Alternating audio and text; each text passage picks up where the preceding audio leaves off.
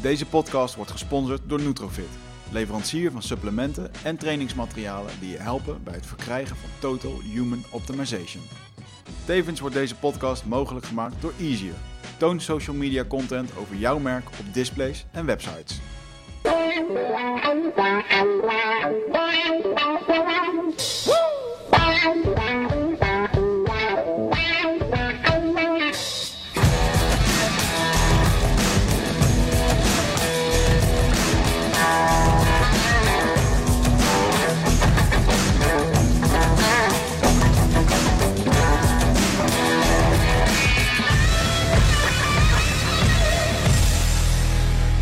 Weet je dat wij trouwens iedere podcast op dezelfde manier eh, openen? Ja, gaan we deze keer aan fucking irritant. Gewoon Ja. dat. Welkom bij een nieuwe aflevering van Eindbazen. Dus dat gaan we nu gewoon niet doen. Van- bitches. vandaag wordt het een, eh, sowieso een epische podcast. Want we hebben Mr. Epic himself eh, bij ons aan tafel. En dan heb ik het over Michel Vos. Snap ik. En daarnaast hebben we eh, iemand die eh, eh, bekend is uit het eh, MMA-wereldje. En dat is eh, Gilbert Eiffel. Gilbert, welkom in de studio, jongen. Ik eh, kijk uit naar deze podcast. En wat ik wel grappig vond, dat bij ons op, eh, op onze social media kanalen... eh, dat jouw eh, berichten, foto's en aankondigingen beter scoorden... dan eh, de advertenties die wij daar af en toe op plaatsten. Dus, eh, ja, dus je bent populair, jongen. Kijk eens even kanon. Dat is een, eh, ja, dus dat eh, gaat een hoop goeds eh, beloven voor onze, voor onze Nou, kijkcijfers. Ehm, ja, waar gaan we beginnen, man? Je bent een, eh, je bent een wandelend boek wat dat betreft. Ehm, maar ik wil eerst eens eventjes weten hoe het vandaag de dag met eh, Gilbert gaat. Want eh, sinds jij je pensioen hebt eh, aangekondigd met het vechten, ja, is het wat rustiger geworden. Media is wat minder om je heen. Dus ik kan je eens een beetje een... hoe, gaat het, ja, hoe gaat het met je? Wat doe je? Ja, het gaat heel goed. Ehm, ja, moet ik zeggen. Ik ben dus gestopt met vechten. Eindelijk. Ehm, ja, ik geef nu in principe les in Duitsland. Dan geef ik MMA. Eh, sinds kort geef ik les op Mike's Gym. Doe ik personal training. Eh doe de kids class daar ehm één keer in de twee weken.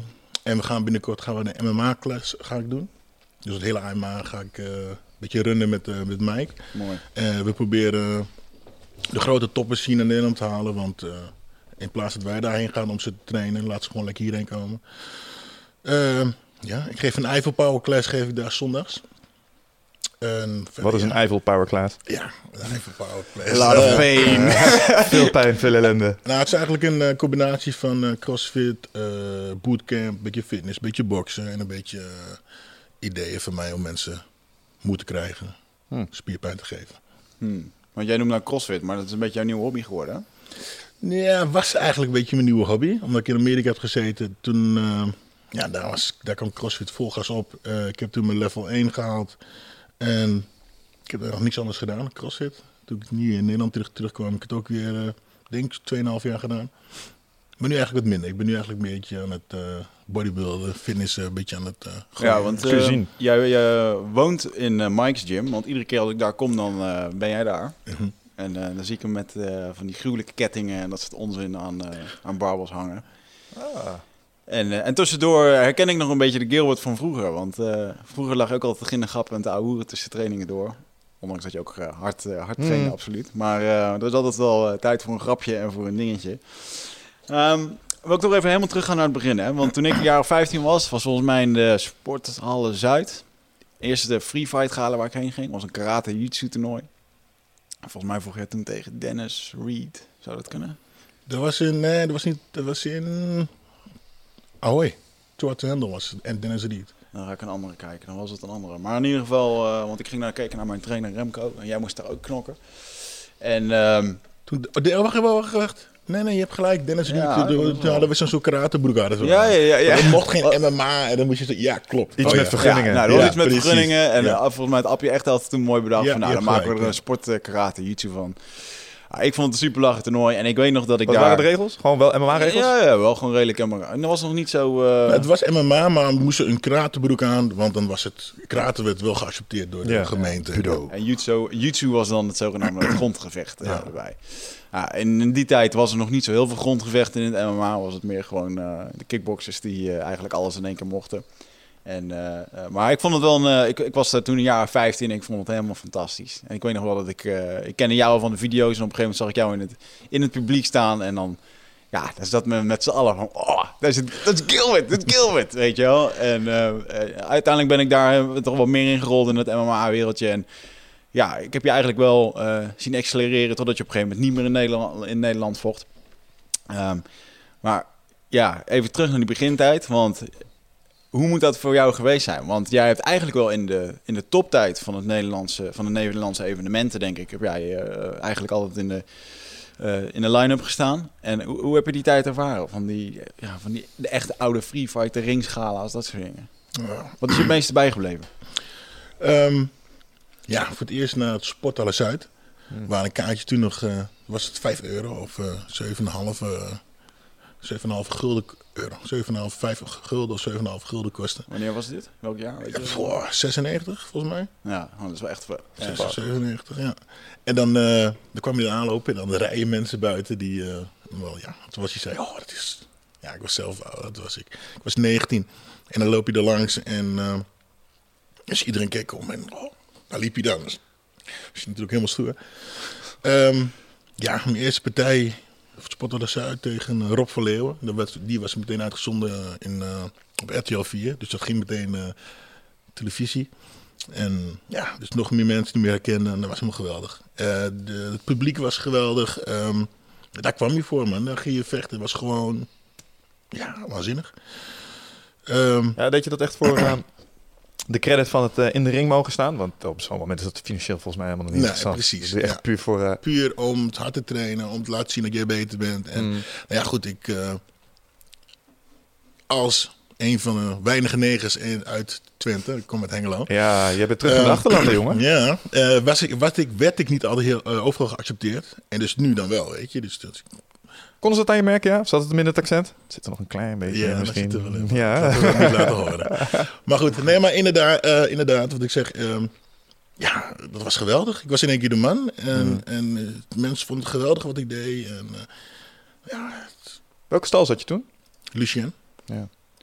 Was het dan ook nog, eh, was dat ook een facet trouwens van het verhaal? Want als je kijkt naar de oude tijd van het free fight, had je natuurlijk wel echt Majiro, Chakuriki, weet je wel, Vos, Carbin. En er zat natuurlijk ook wel een stukje ah, dojo-strijd zo af en toe onder. Ja, je was wel trots, volgens mij, op de stal waar je vandaan kwam. En dan, dan stond je ook wel een soort van voor te vertegenwoordigen. Was dat nog een aspect daarin voor jou? Nee, niet voor mij. Niet voor jou. Nee, dat was ik nooit mee Maar dat had misschien te maken met het feit dat je hier uit het oosten kwam. En... Ja, misschien Ja, ja, zou kunnen, outsider. Ja, ik heb het wel gehad toen ik tegen Alice, nee, tegen Valentijn vocht. Mm. En toen ik tegen Rodney vocht. Toen vocht ik dus tegen twee jongens van Lucien. Dat was Ja. mij de, de enige twee jongens van Lucien waar ik tegen vocht toen. Nadat ik weg ben, eh, ben gegaan. Hmm. En dan zat toch wel even een aspect in van, maar nu wil ik ook even laten zien.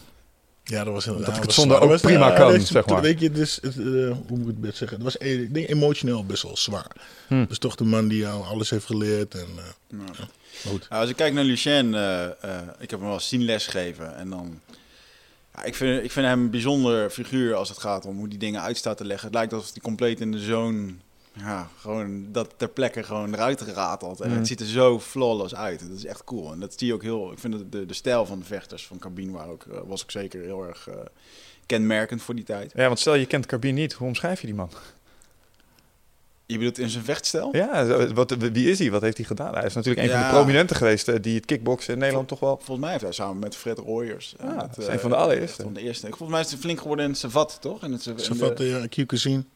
Verschillende vechtstijlen en uiteindelijk eh, veel, eh, ja, veel combinaties mooi met knieën en dat, ah, dat kon hij zo goed doen. En Mm. dat, dat, eh, ja, jij was een van zijn eh protégés erin en ja, daar kwam ook de vliegende knie van aan. Waar, eh, ik zit nu even naar jouw lijst te kijken, maar Veel ik, zie, zie alleen maar KO knie, TKO knie. dus dat, dat had hij er goed in gegeven. Ja. Hey, en ehm, toen, ehm, ja, dat was eigenlijk de, de, de, de vroegere tijd. En op een gegeven moment, ik zie hier ook nog gewoon, je hebt ook nog in Rusland gevochten in 97. Echt van die plekken waar ik nog niet doodgevonden zou worden. Ja, ja, ja, Hoe was dat? Nou, Rusland toen die tijd was gewoon drama. Ehm, eh, donker, grauw, eh, dronken mensen, eh, geen vrolijke mensen. Echt, iedereen ja, was gewoon somber. En het was gewoon, Hmm. nou, eng is een groot woord, maar surfkinderen op straat. En dan zat je dan in een hotel in Moskou, dat weet ik nog wel. Het bed was te klein. Je voet staken uit, krijg je een heel klein... eh, Welkom in mijn wereld. ja. Maakt niet uit waar ik kom, is altijd zo. Gilbert is langer dan jij, toch? nee, nee, nee, nee. Volgens mij ging daar de hele discussie op eh, Facebook over. Oh, oh oké. Dat ik lang genoeg was om... Hmm. Toch? Oké. ja, komt goed. Ah, dacht ik al. Maar terug, terug naar Ehm, Rusland. En dan eh, gingen we dus twee keer of drie keer in de, per dag kregen we dan wat te eten. En ehm, dat ging, toen gingen we dus naar de McDonald's. Met z'n allen in een busje naar de McDonald's. Kreeg je een bakje Fuck. chips en een bakje dit en een bakje dat. En, eh, Dus ze gingen hun topatleten voederen bij de Mac. ja, ja, ja, Klinkt ja. sporttechnisch verantwoord. Maar eh, vandaag in de dag, als je naar Rusland komt, is gewoon geweldig. Mm. Super. Heb je nou je telefoon aan? Ja, sorry man. Ja, excuses. oké. Het is We gewoon, overleven het wel. ik was aan het kijken of het een mijne niet was. sorry. Gewoon geweldig Rusland nou. Eh, die- super eten. eh, als er sneeuw valt, dan binnen 10 minuten zijn er mensen die het schoonmaken. Iedereen draagt nou gekleurde kleren. Mm. Geweldig, ja. Oké. Ja, ik eh, moet... Wanneer was je er voor het laatst? Boah. Eh, ik denk een... Dit is zeven, acht jaar geleden. Oké. Ja. Dus het moet nu verbeterd zijn. Ja. Oké. Hey, en ehm, toen heb jij eh, een tijdje in dat, eh, bij Carbine getraind. En daar trainde ook eh Tyrone Spong, Spong, die toen nog eh 70 kilo woog, volgens mij. en die een stukje zwaarder is in de heavyweight division vecht. Eh, wie had daar nog meer? Imro, Main, Murder. Imro, eh Tarek El Drisi. Ilonka natuurlijk. Ilonka, Ilonka. ja. Ja, want ik, eh, jullie waren altijd gewoon... Ik, ik weet nog dat die, de, de, de stal van Carbin, die kwam altijd op met, eh, met dikke opkomsten. Mm. Vaak met... eh, Nou ja, als wij, ook, als wij kwamen, ja. dan gingen de mensen ook oud. Weet je, zo'n kickboxschaal ergens. Of nou, dan hadden we dat dan drie keer in de week. Of drie keer in het weekend, weet je. En dan reden we eerst daarheen, dan daarheen. Dan zaterdag en zondag. En als wij kwamen, sloten we iedereen. Maakt niks uit wie. Als wij kwamen, dan was het gewoon paniek. Oh shit. Cabine Sloopten ze, ja. Knieën, Ja. hoge trap. Ja, gesloopten ze gewoon allemaal. Was dat ook echt typisch voor cabine? Een agressieve, opgefokte stijl? Nou, niet gewoon, gewoon slopen. Oké. Maar denk je niet dat dat gewoon... eh, je ziet dat een beetje per eh, sportschool of per team. Die hebben allemaal een, een, een- vaak een, een run van, van een vijftal jaren... dat ze helemaal domineren. En daarna dan... Hey, jongens gaan andere paden op. Of ze gaan iets anders doen. Krijgen een vriendinnetje, weet ik veel wat, weet je wel. En dat was gewoon, dit was gewoon de tijd van Cabin, weet je wel. En ik denk dat... ehm, je ziet nu dat Magazine bijvoorbeeld weer eh, internationaal eh, het meest eh, actief is. Maar inderdaad, Lucien was overal met zijn, met zijn jongens. En, maar op een gegeven moment ehm, denk ik wel dat... Lucien was een Muay Thai vechter, Muay Thai trainer. Mhm. En jij hebt gek genoeg eigenlijk al... Bij, je hebt maar één kickboxpartij gedraaid, hè? Twee. Twee. stuks.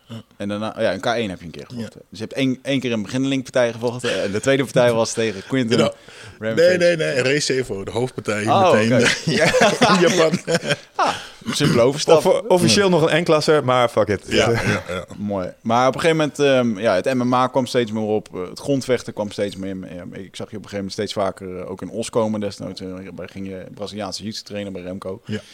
Ehm, en ja, eigenlijk had je op een gegeven moment in Nederland eh, iedereen wel verslagen. Nou wil ik er zo meteen wel een aantal partijen wil ik eh, nog wel even met je doornemen. Want er zijn er een aantal die, eh, die zijn tof geweest. En het zijn echt de oldschool partijen. Ehm, maar op een gegeven moment heb jij de overstap weten te maken. Of was je eigenlijk de eerste echte betaalde vechter in Japan? Die meerdere keren in Japan mocht vechten. Er was wel eens een enkeling die daar is geweest. Mhm. Toen mocht je naar Pride. Ja. En in Pride was, was het de shit om te vechten. Dat was zo, destijds. ja. En dan kan je wel eens wat vertellen over eh, hoe dat het daar ging. Nou ja, ik vocht toen eerst nog in de rings. En toen vocht ik voor de titel tegen eh, Tamura. Mhm. En nou ja, kijk, ik was toen nog niet bezig met geld en met dingen. Ik kon alleen maar bedenken, die belt en je kreeg acht van die grote trofees. Echt van die anderhalve meter trofees. En daar ging het mij om.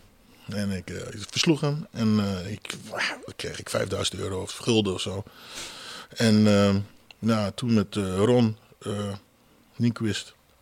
diezelfde dag gingen we nog praten met... we kregen in ieder geval een ruzie met uh, Rings. Want Ron zei, we gaan weg.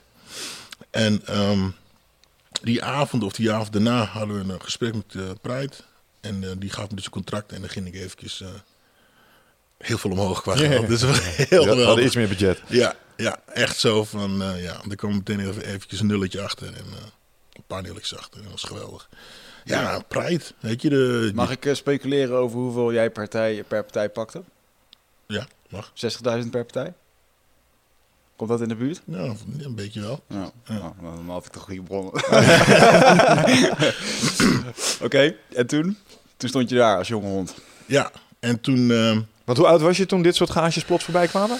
boah, was ik? Je weet niet, 3, 24? Wauw, dat is akelig jong om met zulke bakken geld om te Ja. gaan. Ja, want ik weet nog op een gegeven moment dat... eh toen kwam jij wel eens naar Os. Ik heb jou wel eens in een auto met vier man eh, zien aankomen. Een klein autootje waar jullie net in pasten. En een paar maanden later... eh, Dat was een upgrade. Heb ik jou een keertje in Amsterdam gezien waar je de dikke RS4 reed. Ja, gewoon Een gele S4. bak. Ja, ja, een S4, ja? oh, fuck, wat een dikke bak was dat, joh. Ja. Ja, En, Ja. Maar goed, toen was je in één keer altijd... Hoe is dat eigenlijk voor jou geweest? Want jij bent toen op een gegeven moment... Ja, je was eigenlijk een, eh, een jongen uit de Belmer. Heeft toen een soort van Ja. Amsterdam woonde. En in één keer was je in Japan en je had al het geld. En er werden in één keer dikke auto's gekocht en gedaan. Heb je, was dat verstandig om, eh, om jonge Gilbert eh Los te laten los met laten? zak geld. nou, niet echt. Ja, dat is heel eerlijk. ja. Niet echt. Ehm, nou, laten we het op hebben dat ik, eh, over hebben dat ik eh, misschien wel verstandige beslissingen had kunnen nemen met mijn eh, geld toe. Hmm. Als we daar maar op houden. En, eh, maar inderdaad, dat is een mooie auto.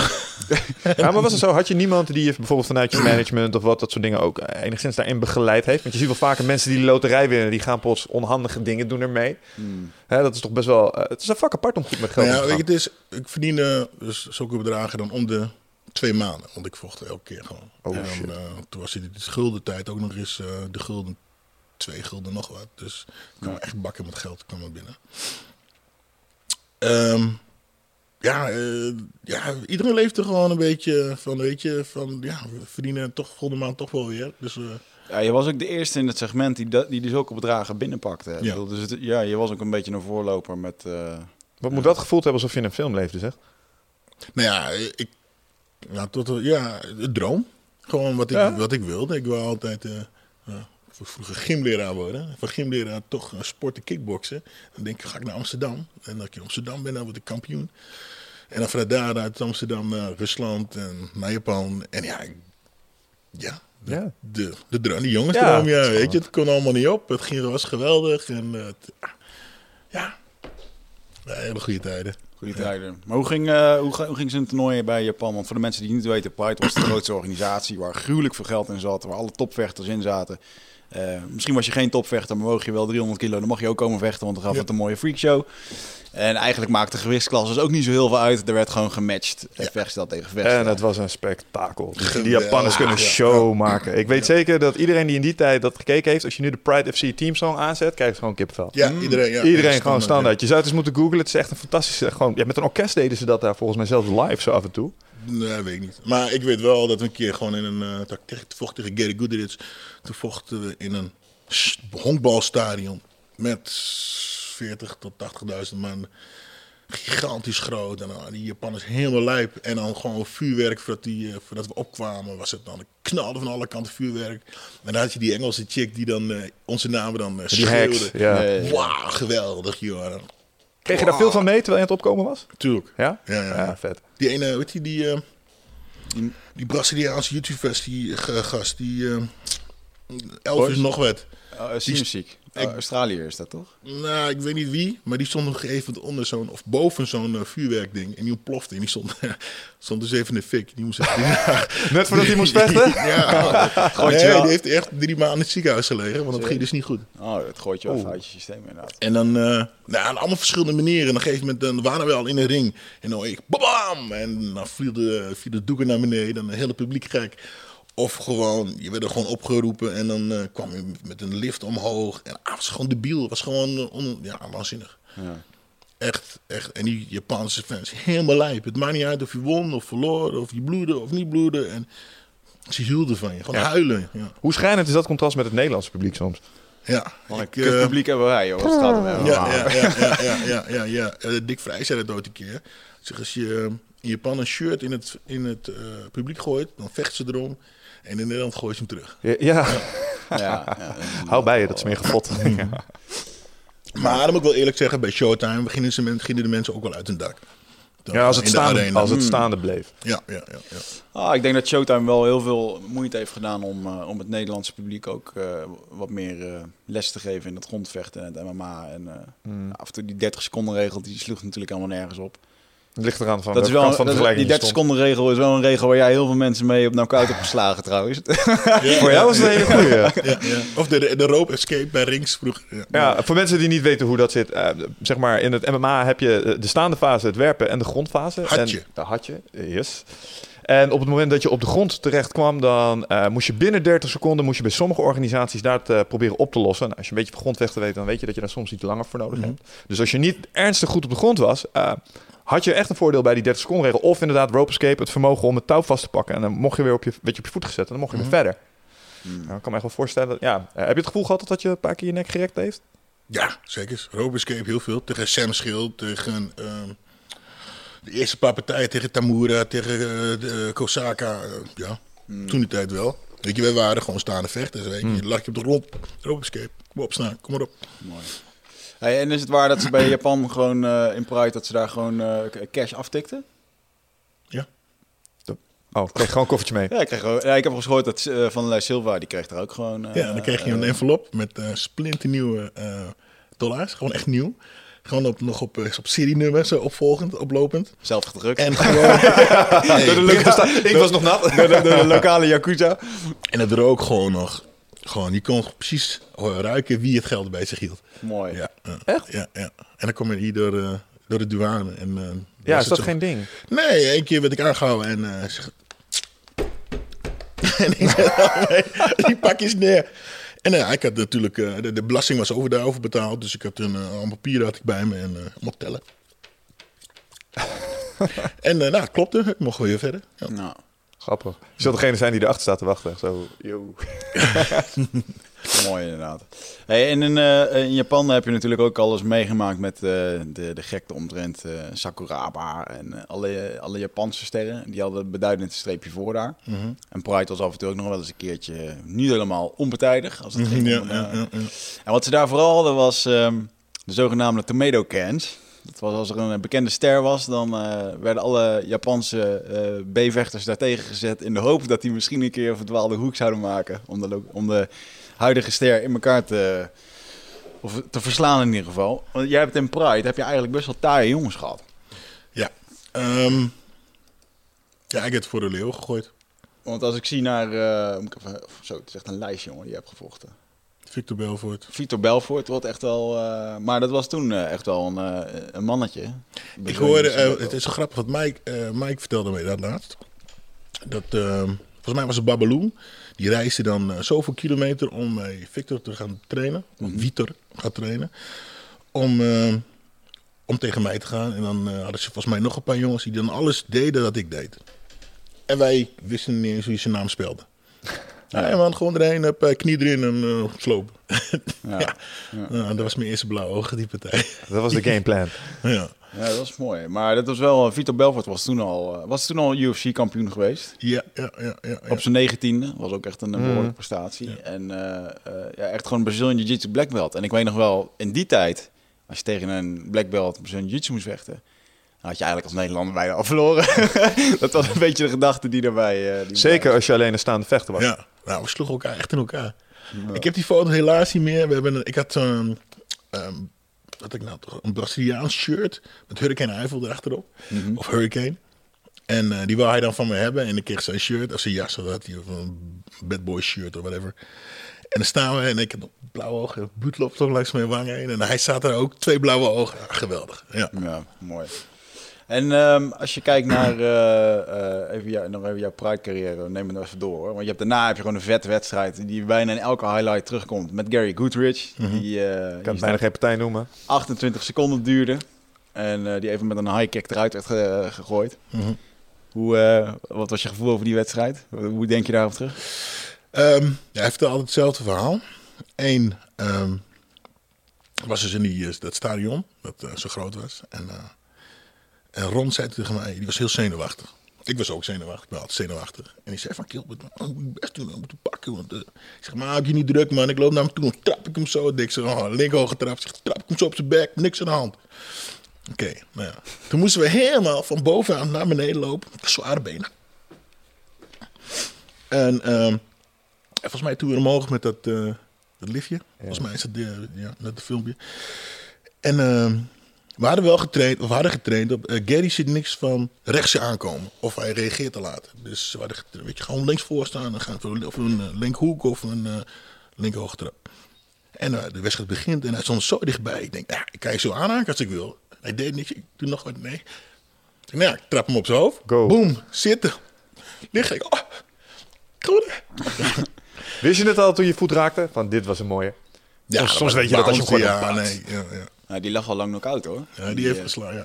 Ja, en jij bent ook zeker een uh, van de oor- veroorzakers geweest van zijn huidige staat. Oh, hou op. Ja, Hij dat is- vind ik heel verschrikkelijk. Hij, nou, hij is een van de, denk ik, eerste echte actieve MMA-vechters waar je echt eh, brain damage eh, resultaten nu kan zien. Als je hem hoort praten en stotteren Ja. en doen. Dat, eh, die- Slurring en dat soort dingen. Ja, heel erg. Ja?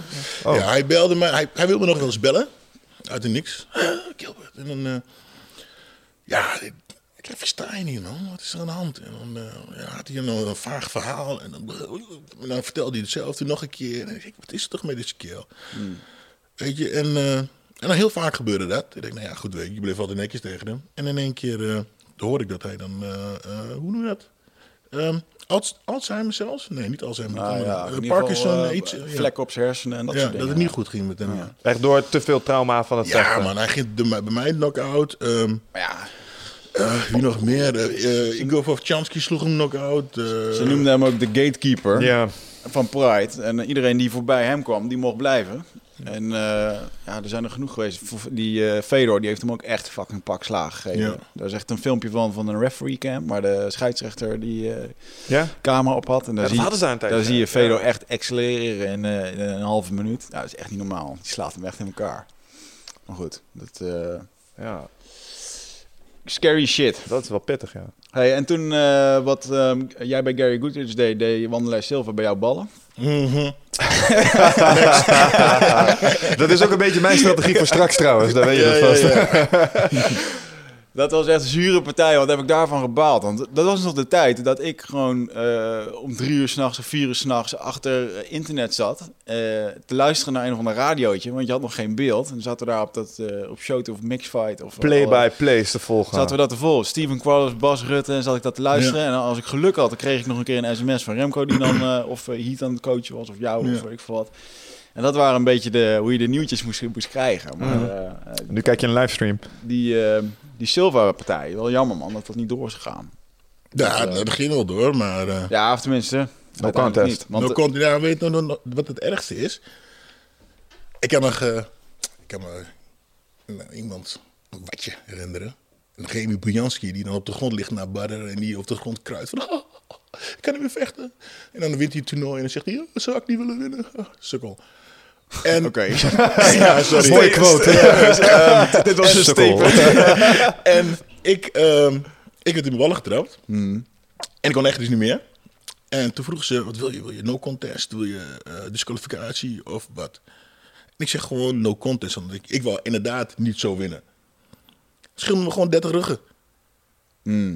Oh, omdat je niet voor, ah, want als je had gezegd disqualificeren, maar had je gewonnen, had, Had je meer gewonnen? gekregen. Ja, ik, ik 30, eh, nou, ja. 30 ruggen meer. En eh, eh, een, een streepje op mijn lijst beter.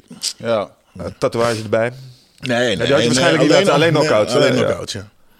Ja. ja, zo zien we weer. Geen goede daad blijft eh, onbestraft. ja, maar ja, je vocht toch iedere twee maanden en kreeg toch iedere keer dat geld. Dus dan, ja. Ja, nou, was de keuze anders geweest als je het van tevoren had geweten? Nee, Nee? Oké, nice. Ja, oké. achteraf denk ik niet. wel.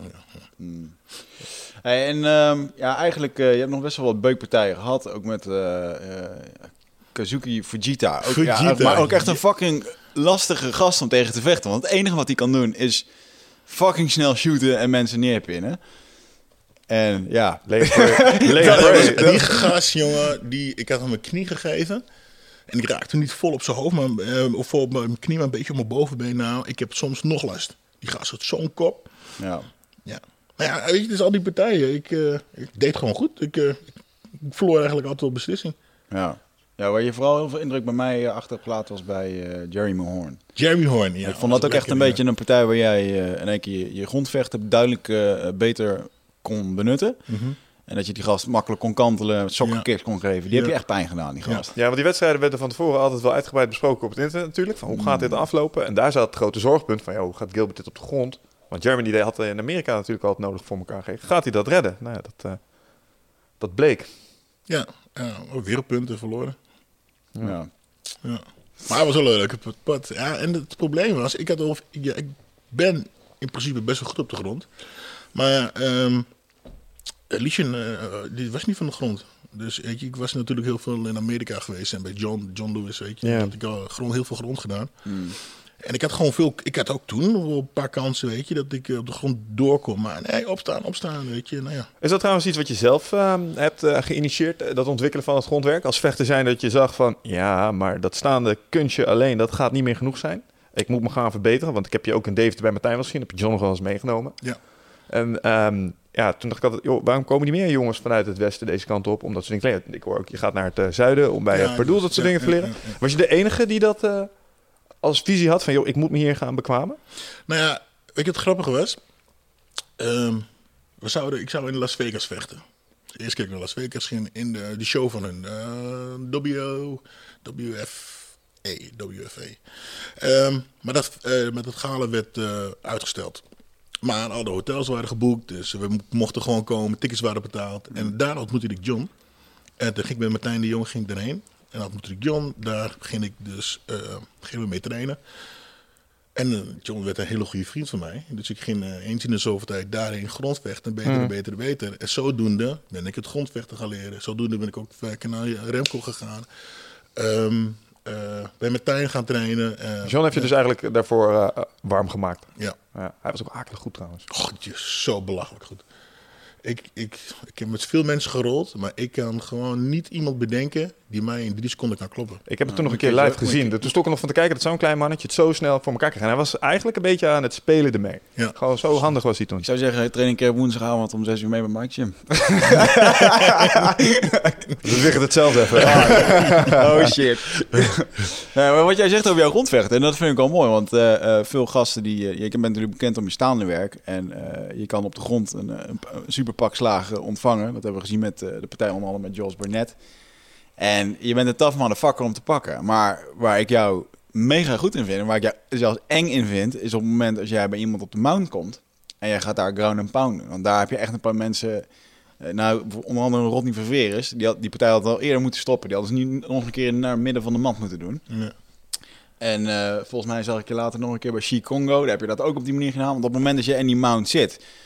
Jij kan echt veel kracht geven vanuit eh, eh, het stoten. Ja, en als je weet wie Shai Congo is en hoe groot die gast is. Ja. Ja, dat is niet niks om die gast op de grond te houden als hij daar echt geen zin in heeft, zeg maar. Hm? Ries Ja, dat is ook geen kleine meneer. Ja, dat was de, dat was de hardste ground and pound die ik ooit gegeven heb. Heb je in dat hele verhaal ergens ook nog wel eens een keer gehad van... Jezus, misschien moet ik het een klein beetje inhouden, want dit gaat niet goed met die gast komen. dat- ja, weet je, het is... ehm, ik wil nog wel eens onderop liggen. En ik kut.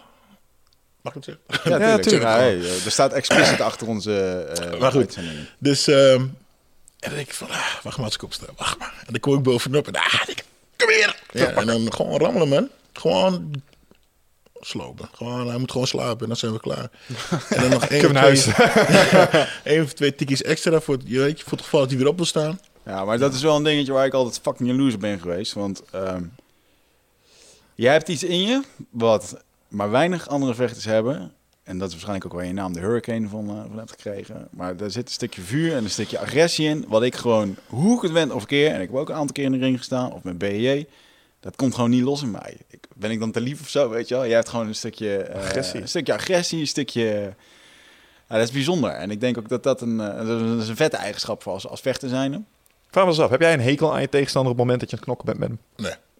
Misschien, Nee, een, beetje gewoon- sad- misschien een beetje sadistisch.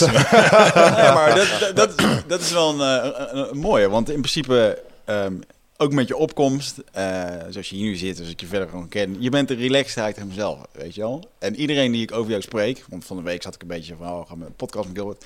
Gilbert, mooie mens. Ja, Gilbert, altijd lachen met Gilbert, weet Ja. je wel. Ja. Zo sta je wel bekend. Terwijl in de ring gaat toch de knop om. En eh, en bijvoorbeeld, een mooi voorbeeld ervan is gewoon Sam Schild, weet je wel. Die je gewoon, ja, daar heb je echt geen gras over laten groeien. Misschien, dat is ook goed ook. Want je, moet, je moet niet te veel tijd eh, en afstand houden bij, eh, bij Sam. Maar dat was ook zo'n partij waar, ja, fuck man. Dan zat je meteen de dikte bovenop en gaf hem meteen een pof waar er niet meer overheen is gekomen. Ja, klopt, ja.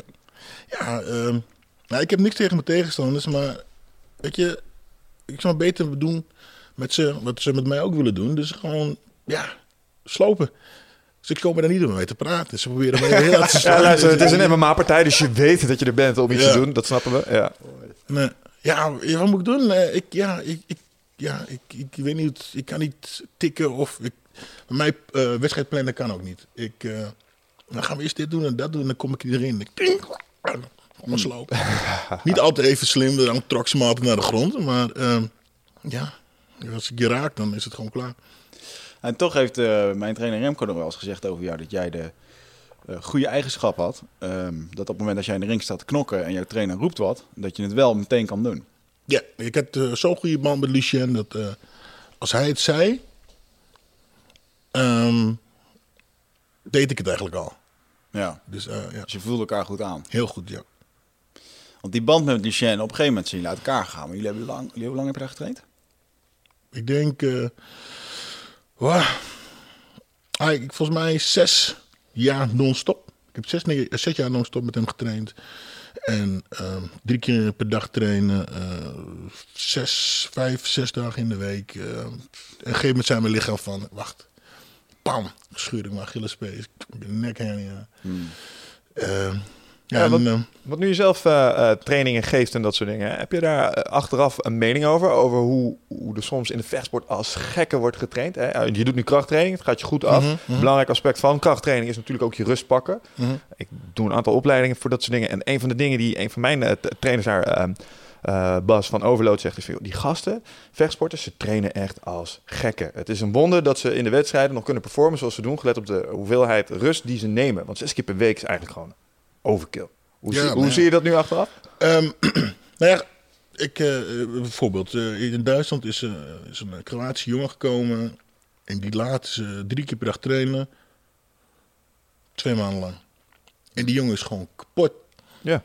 Ja, dat is gewoon, het is gewoon te veel. Die jongen heeft gewoon, heeft gewoon rust nodig. Ik denk, je kan gewoon twee keer op een dag kun je trainen. Maar je moet je rust pakken. Mhm. Je moet niet erbij moeten, nog een keer bij moeten gaan werken in, aan de deur ergens. eh, Ja. eh, ja, eh, je- ja, goed. Je hebt gewoon je rust nodig. Nou ja, als je jong bent, dus eh, 18, 19, dan, dan kun je het meer hebben. Maar als je eh, iets ouder als eh, wij, kan ik wij zeggen? Ja, je mag wij Ja, ik. Nee, Gerard, ik ben 32. Oh, oké. nou, nou bij, bij dus. nee, maar eh, ja, dan eh, heb je gewoon meer rust nodig. Ja, en het, het, het MMA, kijk, als je alleen kickboksen doet, dan kun je gewoon alleen kickboksen. Maar met MMA heb je gewoon dus het grond nodig, heb je het worstelen nodig, heb je het staande nodig. Dan komt natuurlijk je cardio, dan komt natuurlijk je, eh, je, je fitness, weet je, je, je- ja. Dus het komt gewoon heel veel bij kijken. Mhm. Was je toen gericht aan het krachttrainen trouwens? Of helemaal niet? Toen? Ja? Nee, nooit. Nooit wat bijgedaan? Nee. Gewoon netty van jezelf. Oké. Hey, maar even terug, want jij kapte hem net af over jouw tijd bij eh, Carbine. Op een gegeven moment ben je daar weggegaan. Waarom, waarom zijn jullie uit elkaar gegaan? Want Mm. is dat, was, dat iets, was dat ook... Golden Glory bestond toen al? Ja. Ehm,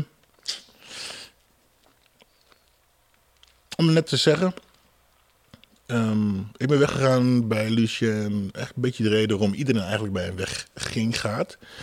Eh, Lucien kan je van nul tot eh, kampioen maken in een hele snelle tijd. En dan kan je alles leren. Hij leert je echt goede dingen. Maar als je altijd alles hebt geleerd, dan verlies je eigenlijk een klein beetje zijn interesse. En dan komt er weer nieuw iemand en dan geeft hij hem weer als aandacht. En zo ging volgens mij Rodney eerst bij hem weg, omdat ik toen, aan- Rodney was zijn, eh, toen ik eraan kwam. En volgens mij ging hij daarom eh Rodney toen weg, omdat ik alle aandacht kreeg. Ehm, ja, toen kwam, eh, ja, ik weet niet, eh, ja, ik raakte geblesseerd ook. En ja, ik kreeg geen aandacht meer. En eh, hij was druk met Ilonka bezig. Of Ilona, hoe heet ze. Eh, ja, en eh, ik was dus geblesseerd. De dokter zei tegen mij, nou Gilbert, ik wil nog net niet een brace om je nek heen doen. Maar jij, jij kan waarschijnlijk nooit meer vechten. Wat, wat had je? Een nekhernia. Nou, dat bleek allemaal een beetje overdreven te zijn geweest. Ik, heb, ik kreeg toen een, een, eh, fysio, Erik, Erik, oh, ik weet zijn achternaam niet, zonde. Oosterom? Nee, dat is toch eh, eh, Is dat niet die... dat is Frederik. Frederik? Oh, oké, Ja, ja, dat is nee. een ander, oké. Eh dus een fysio uit Utrecht. En die zei van Gilbert, kom maar bij mij. Ik ga je gewoon helemaal losmaken. En, eh, maar goed, even, eh, ik kwam uiteindelijk kwam het weer goed. Maar Lucie zei van, ja Gilbert, eh kerst komt eraan. Oh, dat zei hij dus niet letterlijk, maar eh, weet je... Eigenlijk kwam erop neer, Gilbert, de kerst komt eraan. Het is een dure maand, je moet vechten. Zo kwam het bij mij over, weet je. En als ik hem nou hiermee... Beledig, sorry, maar eh, zo kwam het mij over. En eh, iedereen is wel eens geblesseerd, dus je moet gewoon komen. Ik zeg, eh, luister pik, dat zei ik dus niet, maar ik dacht, luister. ik ben geblesseerd. Ja. Ik heb nekhernia, ik mag niet vechten. En hoe kun je dan tegen mij zeggen dat ik moet komen, moet trainen? En, nou goed. En toen, uit elkaar gaan. Maar dan moet wel eventjes anders geweest zijn. Toen jij je volgende... Wat was de eerste partij die je vocht zonder Lucien? Weet je dat nog? eh, hypo. Goh, Oh, jij bent er bij Vos Gym terechtgekomen. ja. Was dat... eh, Was dat niet tegen Valentijn? Nee. Niet meteen de eerste. Nou, oké. Ik weet het niet. Ik, eh, was, het niet was het niet tegen Chicago? Kan ook. Ja, staat hier niet bij verder. Maar eh, ja, Chikongo was in eh, 2004. Kan zo, eh, dat weet ik even niet. Ja, je hebt in 2003 heb je één keer gevochten in Rusland. Dus dat lijkt erop dat je toen even een pauze hebt genomen. Mhm. En toen eh Chikongo, wat ook geen kleine jongen is Ja. trouwens. Maar, eh, hey, en Vos Gym, hoe was dat? Want die is ook wel een eh, legend in de sport. Ja, top. Goede sportschool. Ehm, ja, en ik ga gewoon eerlijk zijn. Ik vind de Hypo een topper. Maar ik vond op een gegeven moment bij, zijn, bij de pro-class dat hij het eh, te commercieel was. En daar bedoel ik mee dat hij het makkelijk genoeg maakte voor de slechtste. En moeilijk genoeg voor de beste. Maar niet echt... Ja, het was gewoon bijhouden. Dus niet echt gericht om we gaan beter worden. We gaan... eh, eh, ja, Hij was niet met je naar een wedstrijd aan het toewerken. Nou ja, uiteindelijk als hij een wedstrijd had wel. Maar eh, ja, ik kwam natuurlijk van Lucien. En met Lucien was gewoon altijd iets nieuws, iets beter. En dat doen we zo en dat doen we zo. En dan Ja. zelfs aan de leerlingen vragen. Dat doe ik zelf nou ook van... Oké, als ik dit had gedaan, wat kunnen we dan misschien het beste dan doen? En ehm, altijd eh, iets nieuws bedenken. Weet je? Hoe kan je nog sneller iemand neertrappen? Of nog eh, beter iemand eh, ja, slopen? En, en dat miste ik daar. Het was gewoon bijhouden, weet je. Ja. Ja. En toen heb je volgens mij de eerste, je bent de eerste Nederlander ook geweest die de stap heeft durven maken om naar Amerika te gaan. Om daar echt te gaan wonen en te, te werken en te doen. Ja. Ehm, want hoe kwam je daar in één keer bij? Nou ja, en nog steeds John natuurlijk. Daar kwam ik al tig jaar. Wanneer ben ik erheen gegaan? 2000. Zes volgens mij. Kan dat? Kan het? Het is nu eh, acht volgens mij. Acht. Nou, maakt verder niet, vaak Nou, verder ja. niks uit. Ehm, ja, ik zou dus die. eh, ik was daar gaan trainen. en toen eh, kreeg ik die partij. Oh, en daar was het. Ah, ah, shit. We zien een grote grijns op zijn Ja, gezicht. shit. Oké, kom maar op. Oké, maar goed. Ik, ehm, ik was daar gaan trainen. En ehm, omdat ik niet in Amerika mocht vechten eerst. En, eh, maar ik was gaan trainen en eh, tijdens het trainen... Waarom mocht jij niet naar Amerika vechten? We gaan er iets te makkelijk overheen, sorry. Volgens mij, eh, daarom, daarom wilde hij zo snel van 2006 naar 2008. Oké, dat vertellen we zo. Oké. Ehm, dus daar moest ik dus naar de, de, de State Athletic Commission in, of. Athletic Commission in eh, LA. Want in Las Vegas eh, mocht ik dus niet eh, knokken. Ehm, en daar trainde ik dus met John. Ik bleef ik een maandje. En eh, toen ja, kreeg ik dus een partij aangeboden om eh, te vechten tegen eh, Josh Bennett. Een weekje terug naar Nederland en meteen daar weer heen te gaan trainen. En nou, die partij gedaan. Het, ik moet wel zeggen, een van mijn geweldigste partijen qua gevoel. Niet dat het, nou ja, goed, dat de uitkomst heel goed was, maar oh, ik heb heel lekker lopen knokken. Of liggen knokken eigenlijk. Ehm, eh, daarna ben ik nog eventjes teruggekomen en toen zei John van, weet je wat?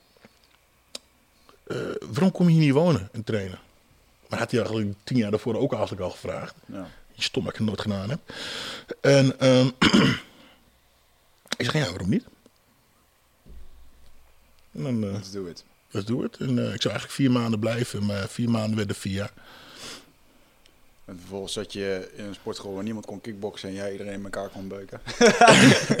want hoe vond je het Amerikaanse? Want die vonden het natuurlijk tof dat jij daar kwam. Want jij hebt daar les gegeven in kickboksen. Of Nou, gewoon trainen. Ik ging gewoon echt trainen voor wedstrijden. Ehm, ja, ik eh, kickboksen dan. ehm, pardon. Ik, ehm, ik kwam op de UFC, op de sportschool waar de UFC-vechters altijd zaten sparren. Frank Meer, eh hoe heet die? eh, hoe heet die? Forrest Griffin, Roy Nelson, eh Bonner, al die gasten. Eh, Die sloeg ze allemaal in elkaar. Ja, want het niveau is echt lager. Nou, ik ben gewoon heel goed. Ja, dat kan natuurlijk ook. Maar Nou. zie je een verschil tussen Amerika? Tuurlijk. Maar ze Nee, hebben ja. het in Amerika altijd over Dutch kickboxing. Dutch Ja, kickboxing ja, is ja, wel ja, een ja. ander ding als het kickboksen wat ze daar doen. Ja, Waar de- zit hem dat verschil in? Yes, eh, hun eh, komen van het, nog een beetje van het karate, denk ik af. En het boksen. En dus niet echt het, eh, het kickboksen. We- eh, hun eh, zijn meer gefocust op het Thaise, Thai-vechten. En het Nederlands vechten is een combinatie van Thai-vechten en nog meer boksen. Want de Thai-vechten is eigenlijk alleen maar trap met knieën. Ja. En wij doen boksen, eh, boksen erbij. En wij eh, Nederlanders, wij willen eigenlijk niet geraakt worden. Dus we zullen meer bewegen. En daar is het nog allemaal, eh, ja, het is nog steeds een beetje op, eh, hoe noem je dat, kindervoeten? Kinderschoenen, ja. Kinderschoenen. Ja. Ja, ik ben heel slecht in. Eh, maar niet uit. Ehm, maar eh, ja, en, ja, maar ze zijn allemaal goed in worstelen, grondvechten, maar staan kunnen ze gewoon niet. Hm. Watjes. Watjes. Hey, en toen, eh, hoe vond je in Amerika verder? Hoe vond je het daar om daar te wonen en te doen? Want je bent uiteindelijk ook weer teruggekomen. Eh, ja, geweldig. Elke dag 30 graden, minstens 30 graden. Ehm, ja, heerlijk. Lekker trainen. Waarom ben je teruggekomen? Ja, vier jaar, dus vier jaar is toch wel heel lang. Mhm. Eh, mijn kids zaten natuurlijk hier. Ehm, Wat miste je nou echt hier in Nederland, toen je daar in de States zat? Waren er dingen waarvan je dacht, oh, dit is echt, fuck, in Nederland is dit beter geregeld. sausbroodjes. Ja, zo. Oh, nou, dat zou je het dan redelijk snel denken. Ja, het gezonde eten. Want daar was natuurlijk hier in Amerika is alles Ja, ja. groot en eh vet en beter en dikker. En ja, je geld ging gewoon op aan in het restaurant eten, want niemand kookte eigenlijk. Ja. Ja. Hmm. Hey, en jouw eh, run in de UFC, want op een gegeven moment had je weer mooie partijen. Toen eh, heb je op een gegeven moment, eh, weet ik nog dat er een keer een filmpje kwam van Dana White. Die kwam jou opzoeken in de Ja. sportschool. Ja, En die vond het ja. helemaal fantastisch, want die had wel, hè, ja, Gilbert die stond er mooi te petsen, te, te, te, te rammen op de patch. En volle verwachtingen. Ehm, hoe kijk je terug op jouw eh, UFC-run? Kut. Hoe kwam dat? Waarom? Ehm, nou ja, ehm, ik even nadenken is van, ik wou eigenlijk altijd in de UFC vechten. En toen kwam die kans daar. En toen was ik eigenlijk al een beetje klaar met vechten. Weet je, te veel bullshit gebeurd met eh, een, Golden Glory en andere mensen eromheen. En, en ja, kijk, ik wil natuurlijk niet andere mensen over de schuld van geven. Ik heb, ben natuurlijk altijd ook het zelf bij geweest. Maar ik heb het gewoon gehad met het vechten. Hmm. En dan als jij een doel hebt om ergens iets te bereiken, weet je, eh, en dan bereik je dat doel en dan, huh, weet je, dan eh, vecht ik meteen tegen eh, Junior dos Santos met twee weken voorbereiding en dat is geen excuus. Nee, maar ik wil wel zeggen, Maar- want ik heb jou in verschillende partijen daar gezien. En de ene keer dacht ik van, wow, nu heeft hij echt getraind. Ja. En de andere keer dacht ik van, Nou, dat had ik wel Wat heb gedaan. gedaan? Ja, Ja. het zat mijn hoofd stond er gewoon niet naar en kut. ja, Ja, gewoon slecht. Ja, en dan gooi ik er gewoon, ja, gewoon met de pet naar gegooid. nou, het is wel eerlijk dat je dat zo doet. Ja, gewoon. Het, kan, ik kan het mooi maken, maar het was gewoon eh, ja, slecht. En ehm, ja, toen ben ik, eh, daarna ben ik, eh, gekut door de UFC. Nou ja, begrijpelijk. En toen heb ik eventjes drie maanden op de bank thuis gelegen. Huilend, Nou, onder een deken, een beetje duim in mijn mond. met een pot Kan, chocolade. eh, heeft Gilbert de depressieve tijden gekend? Nee, op de bank gelegen. Gewoon van, van, ik had geen zin om te trainen, niks, niks te doen. Lekker Xboxen. Even, even geen bullshit, geen trekken. Je moet die trainen, je moet dat. doen. Even niet. Wat die fysio vijf jaar geleden zei, ging je toen doen. Even gerust. Sorry, ik begrijp even niet wat je bedoelt. Eh, die, die fysio, die Ja. fysio zei toch dat je rust moest nemen? Nee, ja, dat was veel later, man. Maar, niet- maar goed, toen heb je een tijdje thuis gezeten en toen... En nou, maar gewoon in Amerika. Ja. Daar zo op de bank, eh, ontspannen. En eh, toen ging ik vanuit mezelf toen weer een keer naar de sportschool toe. Toen ik zin had, weet je. En eh, nou, ging lekker, weet je. Een beetje fitness, een beetje rennen, een beetje traplopen. Ik heb heel veel traplopen gelopen daar. En voor ik wist, weer, woog ik 110 kilo. En eh, was helemaal afgetraind. En eh, ik ging, het ging steeds beter. Geen woog ik 106, 105. Weet je. Het ging gewoon super. En denk ik, kwamen ze... Ja, ja, toen kwam het gevoel weer terug. En dan wil je dan misschien toch nog een partij vechten. En dan op 92 kilo. Maar ja, gaan we maar proberen. En eh, ja, toen vocht ik dus mijn laatste twee partijen op 92 kilo. Ja, en dik ook. Ja. Houston Alexander was een dikke partij. Heb je mooi even uh, KO geslagen. Ja. En Damien Dantibo, die ken ik dan. Ja. Ken ik Maar dat was, niet, was een beetje een watje. Maar ja, het lastig voor jou om af te trainen, om droog te worden? Of om eh, onder, de, de- onder de 100 te duiken, moet ik het zo zeggen? Nu? Ja, ja, ja, ja, nu. Ehm, nou, toen niet. Toen ging het gewoon heel makkelijk. De eerste keer. De tweede keer was weer... eh, ja, dat woord. Ehm, eh, ja, dat zou ik eigenlijk na een maand weer vechten. En dat werd uitgesteld. Dus dan werd de drie maanden. En dan ja, word je toch weer zwaarder. En ik, nou, de eerste keer heb ik het ook makkelijk gehaald. Dus eh komt nu ook wel. En tegen ehm uh, Houston Alexander was het gewoon een hele zware cut. Ik denk dat ik gewoon 10 tot 15 kilo heb moeten, eh, als het niet meer is, cutten in, twee, eh, in één nacht. Zo. En eh, ik weet nog dat eh, die eh, dus weer op de weegschaal hadden gestaan. En ja, kijk, we hebben het gehaald. Kom hij aanlopen. Helemaal vrolijk, helemaal fit. De trainer zei, "Kill het, geef me aan, doe eens toe. Ik, Drie. Nou, goed. ehm Som op de weegschaal. Hij eh, ha- haalde amper 90. En eh, ik was natuurlijk weer 500 gram te zwaar. en eh, dus mijn onderbroek moest uit. Alsof dat helpt. en we gaan staan, die handdoek zo voor. En die skipper, skipper Kelp is mijn boxing trainer daar. Hij is trouwens ook de personal boxing trainer van Dana White. En die tilt ook die handdoek mij een beetje omhoog. En pong, dat ding scheen naar eh 92 dat was 205.7 en eh, ja, ik heb het gehaald. Snel eraf. Nou, water denken. Maar die kut was gewoon heel erg, eh, Ja. was zwaar, was heel moeilijk. eh, ik kreeg infuus erbij en Kan je eens beschrijven hoe zo'n kut in zijn werk, hoe die kut in zijn werk ging? Voor Ehm, mensen die nou het ja, niet weten. ehm, je gaat, nou, stel de weging is Vrijdag. vrijdag. Dan ga je vanaf ehm, donderdag, zeg ik het goed? Vanaf donderdag, uur of vijf, ga je niks meer eten. En dan ga je donderdagavond ga je in een eh Epsom salt bad ga je liggen. Heel heet. En dan ga je zweten, 20 minuten. Daaruit eh, word je afgedroogd. Ga je in een sauna eh suit ga je, trek je aan. Ehm word je in een hele dikke deken gewikkeld. En dan ga je daar nog even 20 minuten lopen zweten. Nou, dan nog maar een keer in het bad. Dan het hele verhaal nog een keer. Dan ga je checken van wat is het gewicht. Ehm moet er nog iets af? Nou ja, zo met, eh, morgen. Nou dan, eh, of nu nog wat. Eh, nou, dan ga je slapen.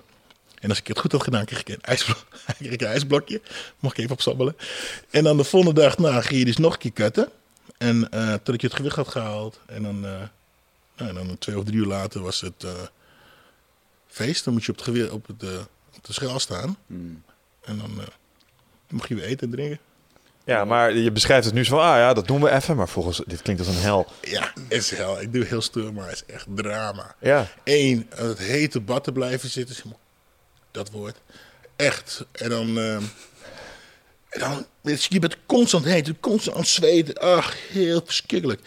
Ehm, en dan, eh, ja, je hebt geen kracht meer. Je, moet- je moet opstaan. Je wilt niet opstaan. Je, je wankelt. Je hebt gewoon geen energie, helemaal niks. Ja, eh, nog meer eraf. Weer in het bad. Ah, is gewoon slecht. en ondertussen krijg je geen water. Nee. Dit kan niet gezond voor je nee, zijn. is ook helemaal niet gezond. Ze voelt het ook helemaal niet op dat moment. Nee, dat snap ik. Eh, ik weet nog wel dat ik een keertje in mijn eentje voor eh Shoto vocht. En toen eh, ben ik in mijn eentje naar Amsterdam, van ons naar Amsterdam gereden. Om op vrijdagavond in de sportschool van Marloes Koenen te kunnen wegen. Hm. Zodat ik de volgende dag mag vechten. Maar god man, niemand kon mee. Ik was fucking gaar in die auto. Ah, dat is echt drie keer niks. Je mag niks eten. Eh, wat doe je om te herstellen dan zodra je je gewicht gehad hebt? Want dan moet alles er opnieuw in, hè? Eh Pedialyte.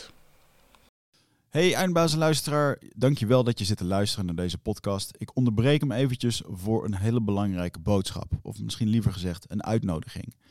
Want op 24, 25 en 26 mei, dan is er weer een nieuwe editie van Rite of Passage. Dat is mijn retreat voor persoonlijke ontwikkeling. En speciaal voor de mensen die op zoek zijn naar, ja, naar, helderheid. Of dat ze lastig bij hun gevoel kunnen komen. Dat ze moeilijke beslissingen moeten maken. En dat ze zo ontzettend in hun hoofd zitten ja, dat ze er eigenlijk gewoon niet meer goed uitkomen. Of dat ze misschien al heel lang in een, ja, een soort van oud gevoel zitten. Dat ze dat gevoel willen transformeren. Of misschien wil je gewoon een oud stuk achter je laten. Ergens een punt achter zetten.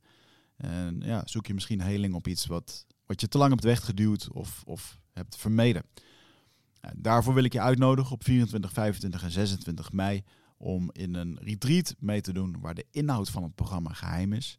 Waar de belofte is dat het oncomfortabel wordt. Want jij begrijpt als geen ander dat als je die volgende stap wilt maken, ja, dan zul je uit de comfortzone moeten komen. En Ik garandeer je, laat mij dat proces begeleiden met jou voor drie dagen en je leven zal daarna nooit meer hetzelfde zijn. Gemiddeld beoordelen de deelnemers het met een 9,2. En daar ben ik ontzettend trots op. Er is ook een money back guarantee. Heb je de drie dagen vol, volbracht en vind je het niks, krijg je gewoon je geld terug. Dus het enige risico wat er is, is dat je gelukkiger kan worden. Ik zie je Bride of Passage. Ga naar wichertmeerman.nl en klik op Retreat. Ik weet alleen het Engelse woord. Geef ze baby's. Oké, dat is babyvoer. Eh, babyvoer. Eh, er zitten heel veel eh Suiker, elektronen, elektronen, ja, elektroden. Elektroden. elektroden. Niet elektrolyten? Elektro, ja, Ja, die. Nee, ik weet niet. Zie je nou, ik ben niet alleen een beetje. Nou ja, ik, eh, ik zeg ook maar iets, want ik zat mezelf vol te gieten met Aquarius en met Ja, sneakers nou ja, en met dingen. nou, weet Ja, je, ja, dat Gatorade, ook, dat ja. soort shit. Ja, Ja. nou, een uh, infuus. Ik heb één hier, één daar. Up erin. En, eh, maar ja, Ze hangen je dus gewoon aan het infuus om te herstellen hiervan. ja, Dat is wel heftig. ja. En dan... eh, en dan woep, woep, woep, woep. nou, net of je Popeye was. Zoek, en dan was je gewoon I have a power. kilo zwaarder. En toen ik tegen Houston Alexander vocht ook, die volgende dag was ik gewoon weer 110 kilo. En hij was nog, eh, Fuck. oh, was hij? Hij was eh, gewoon nog amper aan 91 kilo. Zo. Voel je ook direct weer sterker of heb je er toch nog wel een beetje last van? Nou, Van- ik had heel, eh, die partij had ik nog heel erg last van. Ik, eh, het, het kwam er niet uit. Het was allemaal zwaar. En, eh, het, zat me gewoon, weet je, in je, het zat me gewoon in je benen. En ehm, pas toen ik me tegen mezelf zei, kan Gilbert, dus even rustig aan. Je hebt nog drie rondes. Ja, toen werd ik kalm en binnen 20 seconden sliep hij. Ja. Dus ja. Monster. Ja, ik vind het mooi. hè. Je hebt ook echt gewoon echt een KO-lijst op je arm getatoeëerd. Eh, met eh, allemaal, hoeveel hoeveel staan streepjes staan er nu op? Ehm 42? 42. 42. Nou, dat is voor fucking eindbaas inderdaad. Is er überhaupt nog plek? Want eh, ik ken jij nog in de tijd dat je minder tatoeages had. Is er überhaupt, wordt er nog wel eens iets bijgezet tegenwoordig? Nou, heel Of, eh, weinig. Kan niet meer. Volgens mij zijn wij de enige vechters eh, die, of mensen uit de vechtsport die geen inkt hebben liggen. Ja. Maar uh, dat kan nog komen. ooit, ooit komt nog wel. Jawel, Ja, wellicht. Gaat wel een keer gebeuren. Ik heb alleen nog nooit een idee gehad wat ik eh, langer dan een half jaar cool vond. Dat ik dacht van, Ja, maar wij hebben wat bedacht. Want als ik je zo meteen op je hoofd trap, je ja, slaat. ja, ja, weet dan je- ga je leuke ja, sukkel op zijn voorhoofd. Ja, want eh Gilbert heeft ook zijn tatoeëerder meegenomen. staat al een tijdje in de gang te wachten. Mooi. Zolang het maar geen ass is, jongens. Ja. Ja. als best. Hey, ik moet even terug naar de ringstijd, want dat waren ook gewoon dikke, dikke tijden. Bob Schrijver. Ja. Jouw eerste partij. Bob is sowieso een legende, maar die partij is ook gewoon een fucking legende. Daar heb ik nog een vraag over. Oh, ja? Ik heb ooit een keer een gerucht gehoord, maar ik weet niet of het waar is. Oké. Als meneer Schrijver luistert en het is niet waar, sorry alvast. Ja. Ik heb gehoord dat hij net voordat die partij begon, dat hij tegenover je stond, en dat hij iets zei in de, in de strekking van... Hé, hey, Gilbert, ik heb net over mijn handschoenen heen gepist. Oh, nee. Nee, dat is niet Nee, waar? nee, oh. Nee, Nou, eigenlijk vind ik het jammer, maar ik vind ook wel iets voor Bob. Ja, nou, ik- volgens mij niet. Ik kan me niet meer herinneren. Ik, eh, ik, Het is wel een mindfucker. Het is wel ja, mindfuck. Ja. ja, ik weet het niet. Ja.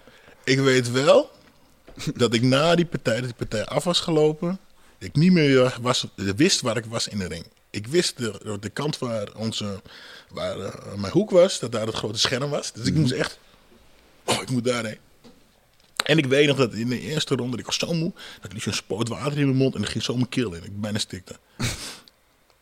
En eh, ja, en verder eh, hebben we elkaar gewoon echt flink in elkaar lopen trappen. Zo. Ja. Heerlijk. Maar jij was toen een jonge hond. En Bob, Bob was toen al wel weer wat ouder. Bob was denk ik al dik in de 30. Ja. En jij was denk ik net 20. Nou, begin 20. Ja. Hoe keek je naar, uit naar die partij? Want ja, hey, fuck, tegen Bob Schrijver vechten. Dat doe je echt niet voor je lol, weet je wel. Die gast is nooit KO gegaan. Ehm, toen de eerste keer, ja, wist ik eigenlijk niet wie Bob was. Waarom was hij vechten? Maar hij ging gewoon, ja, je zag het, ging er gewoon in, gewoon slopen, zo hard en zo, weet je. was voor YouTube, hè? Dus, eh, Ja. Nou ja, maar Bob ging gewoon niet neer. Ik heb hem knie gegeven. Er is een eh, moment in die partij, dan geef ik hem knie. En dan zie je echt zijn ogen, echt zo.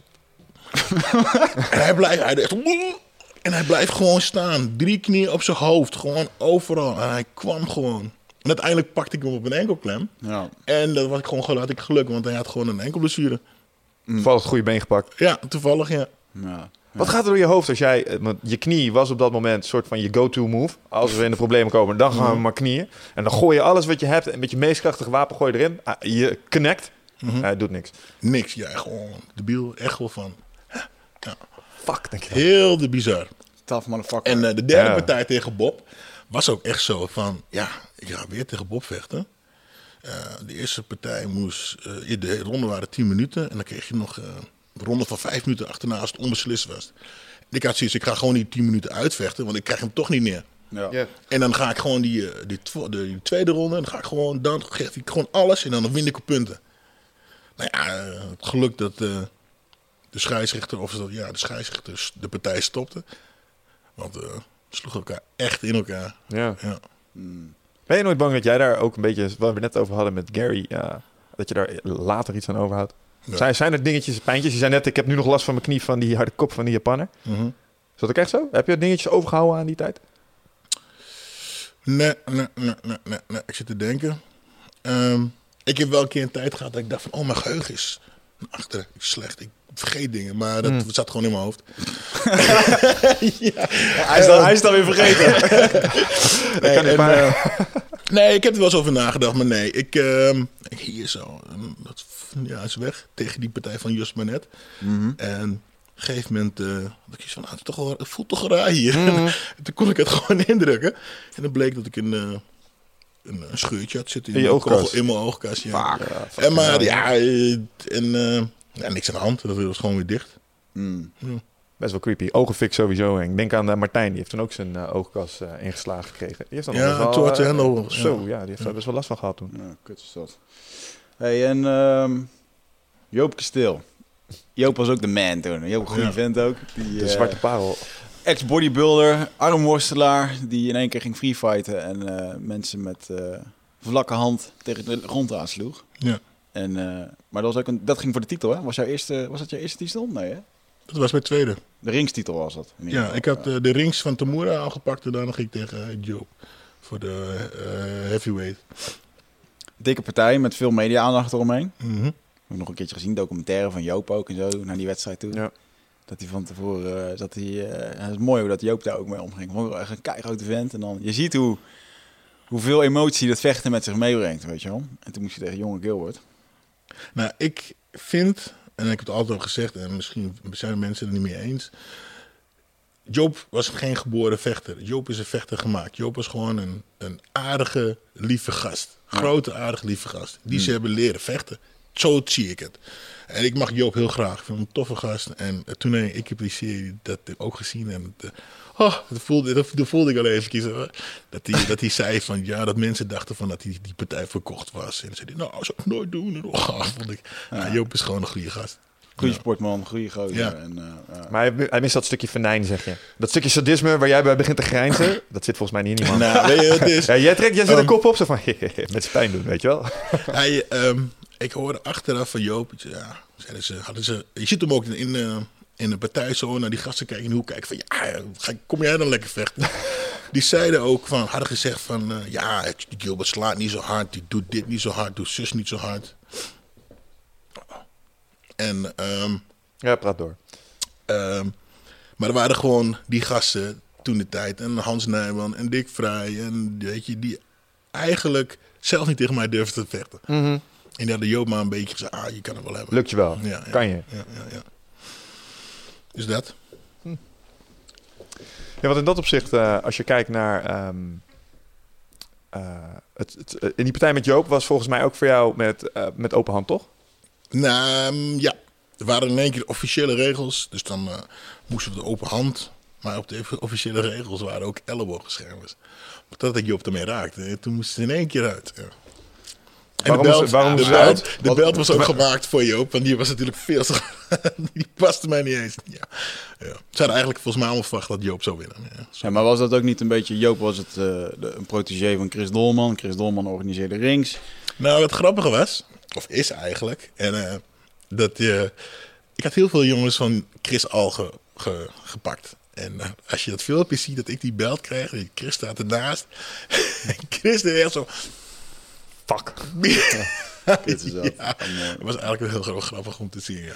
Ja, Chris Dolman, die hebben we eh, wel via via heb ik hem geprobeerd te benaderen om eens een keer te komen kletsen. Oh, dat zou heel- maar- dat man kan ook mooie verhalen vertellen. Ja, hij wil, ja, hij die wil het verhalen, jongen. Hij wil dat niet. Hij nee, wil, weet je wil- het zeker? Die moet, je, ook, je moet hem denk ik zelf benaderen. Want, eh, Nou, ik heb hem via een hele goede vriend van hem, eh, van Ja? van ja, Arnoud. Oh, oké. Dus heb ik hem benaderd. Oh. Maar dat, eh, nou, ik hoop het ooit nog een keer dat hij zich eh, bedenkt in Ja. ieder geval. Dat zou Ja. tof zijn, want die gast heeft inderdaad wel verhalen. En, en eh, ja, Chris is nou, wat is hij, bijna 80? eh, Ja. ja. en die, die loopt nog elke dag op de sportschool eh, zijn best te doen. En, mooi. Oude knoest. Dat hoop ik later ook te kunnen. Hmm. Hey, ehm er is ook een mooie klassieker. Valentijn Overheem. Welke? Eén of twee? Nou, welke wil je? Ja, laten, we dat- beginnen, dat- bij- laten we beginnen bij één. welke deed het meeste pijn? Ehm, nou ja, ja, er zit... Nee, goed. Want Valentijn en jij eh, hadden een beef. Jullie waren niet... eh, eh, in, in Japan waren jullie elkaar als concurrenten, als het ware. Ik zie een glas uitdrinken van iemand die zijn woorden aan het kiezen is. Ja, ja, ja. Ehm, in mijn mening, eh, ik was dus nieuw in de vechtsportwereld. Valentijn nam me mee naar Escape. En eh, ik als boerenjongen uit Hengelo. En eh, hij, stelt zich voor, hij stelt me voor aan een meisje. Dat is mijn vriendin. Oké, ik zeg, hey, ik ben Gilbert. Oh, zegt ze. Jij bent die Gilbert, die nieuwe opkomende talent.